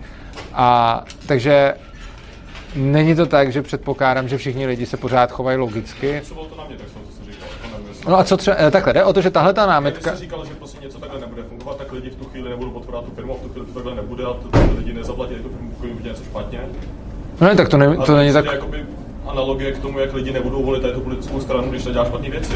no to není zase taková analogie, docela, ale Uh, no, n- není to analogie z toho důvodu, že zvolit tu politickou stranu je přesně to o tom, jestli tam dát nebo nedá hlas a zaplatit té firmě, znamená dát tomu peníze, což znamená, že ta motivace je větší. Já jsem nikdy neřekl, že jako nikdy nikdo se nebude chovat nelogicky. jenom, jako, no ne, prostě jako, nebudou se všichni chovat logicky, to ale neznamená, že všichni se budou chovat jako dementi prostě. Respektive, když se budou všichni chovat jako dementi, tak, tak stejně je to úplně jedno, co tady budeme mít, protože když se budou všichni chovat jako dementi, tak to nespasí vůbec nic a je úplně jedno, jestli tady bude stát, nestát a bude to stejně v háji prostě. Takže podstata je, že nějaký lidi se jako dementi chovat budou, nějaký lidi se jako dementi chovat nebudou a to je tak asi ta odpověď. Jako, prostě nepočítám s tím, že by, ne, takhle, nepočítám s tím, že by se všichni chovali logicky, protože prostě se nechovají logicky a nic z toho, co jsem říkal, podle mě tenhle ten předpoklad neobsahuje. Tohle je mimochodem taková zajímavá věc, že občas se mi stává docela často, že s tím někdo přijde a vždycky řekne, ty předpokládáš, že se lidi budou vždycky chovat logicky a já mu řeknu, a říkám to vždycky na to, ukaž, kde přesně, cituji, kde, v čem jsem tenhle ten předpoklad měl. A ještě nikdy nikdo mi za těch deset let nic takového neukázal. Takže pokud máš něco takového, ale rozhodně ten předpoklad, že když firma bude něco dělat blbě, tak bude ztrácet zákazníky, neobsahuje předpoklad, že se všichni chovají logicky.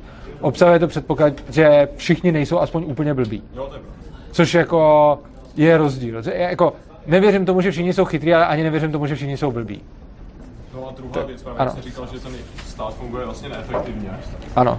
Což je pravda, ale jako myslíš si, že fakt velké firmy pracují efektivněji? Když Uh, velká firma fakt prostě fakt moloch obrovský, Ne, uh, ježiš malý stát. Ne, i jako rozhodně uh, velké korporace mají s těma státama dost značné podobnosti.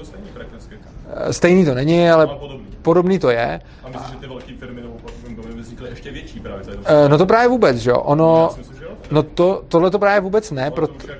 No to není hypotéza, jak to mám jako docela, nebo takhle, je to hypotéza, já mám k tomu jako dost zásadní argumenty. Eh, Ty argumenty jsou, že ve státním prostředí ty velké firmy mají obrovské výhody v tom, že oni za prvé si můžou víceméně tvořit vlastní legislativu, a to jak způsobem lobbying, jako pokoutně, tak způsobem jako celkem otevřeně. Prostě protože, když ten politik chce udělat nějaký zákon, například chceme udělat nějakou regulaci, která normuje nějakou výrobu, no tak co ten politik udělá? Podívá se do těch velkých firm, jak ta výroba probíhá a podle toho ji začne regulovat. Takže to pak dopadá na ty malý. A obecně ty velké firmy mají jakoby jednak tu výhodu, že můžou si tvořit legislativu, dále tu výhodu, že legislativa je tvořena podle nich, i když oni se o to nesnaží. Tak i prostě politik, který je fakt jako čestný, tak bude tvořit legislativu spíš podle velkých firm než podle malých. Dále, když má vstoupit v platnost nějaký zákon, který zničí ty malý, tak na to každý kašle, protože se to nikdo ani neuvědomí. Ale když by měl vstoupit v platnost nějaký zákon, který zničí ty velký, tak oni se ozvou a nenechají je padnout. Další věc, ten stát občas ty velký dotuje. Takový to too big to fail, že jo? Takže prostě často, jako aby nepřišlo tolik lidí o práci, tak se zadotuje velká firma, což zase malý se taky nestane. A potom další věc, když už přijde nějaká regulace, kterou si ta firma neobjednala a která prostě přišla od někud odjinut, tak ta malá firma na ní může dojet daleko s nás, zatímco ta velká firma má svoje vlastní oddělení právníků, účetních a všech možných chytrých hlav, který řeší, jak ty regulace obcházet nebo jak jim vyhovět s to nejmenšíma nákladama. Reálně teda z toho plyne, že ty velké firmy dostávají od státu obrovskou podporu oproti těm malým firmám a obecně v prostředí se státem jsou ty in- investiční pobytky jsou další. To je strašně moc. A obecně ten stát velkým firm, firmám pomáhá daleko víc než malým firmám, z čehož logicky plyne, že na volném trhu dostávají větší šanci menší firmy oproti státnímu prostředí. Čili z toho by se dalo usuzovat, když jako teď jsou zvýhodňovaný ty velký, tak by se dalo usuzovat, že ta velikost firm na, na volném trhu bude spíš se zmenšovat, než zvětšovat. Ale zároveň zase ten stát jakoby zabraňuje tomu vznikání tady těch vel- velkých firm, jako na ty monopolní úřady a tak, to oni se tomu zároveň proti tomu bojují. No, oni proti tomu moc jako nebojujou, protože A to je teď těžké na tím přemýšlet, to bychom si museli nějak nasimulovat, ale jako, myslím, že Je- to se byl stejný. Já jsem o tomhle to měl teď nedávno přednášku na svém kanálu, kanál Svobodného přístavu, to je, a mám tam celou přednášku, která je jenom o monopolizaci na volném trhu a ve státu, tak bych možná doporučil tohle, protože to je téma, který jsem tam rozebíral prostě asi hodinu. Já se o to nezajímám, takže nejsem schopný se s tomu hádat. Úplně chápu. Ta se mi fakt líbí, ale nemyslím si, že by mohla fungovat. Ale každopádně je dobrý Jo. to šířit. Je dobrý, jo, přesně tak, jako je dobrý si o tom něco prostě vyzjistit, pokud se ti to líbí, tak doporučuji prostě navštěv, já nevím, stránky urza.cz a tam si můžeš vybrat, máš tam čtení, videa, poslouchání. Chápu. Uh, já eh, bych asi to končil, jo, protože si to můžete si pravděpodobně, jestli to můžeme nebude vadit, tak si můžete klidně jako povídat i u stolu. Každopádně uh, bych chtěl Zubi poděkovat, myslím, že to bylo jako opravdu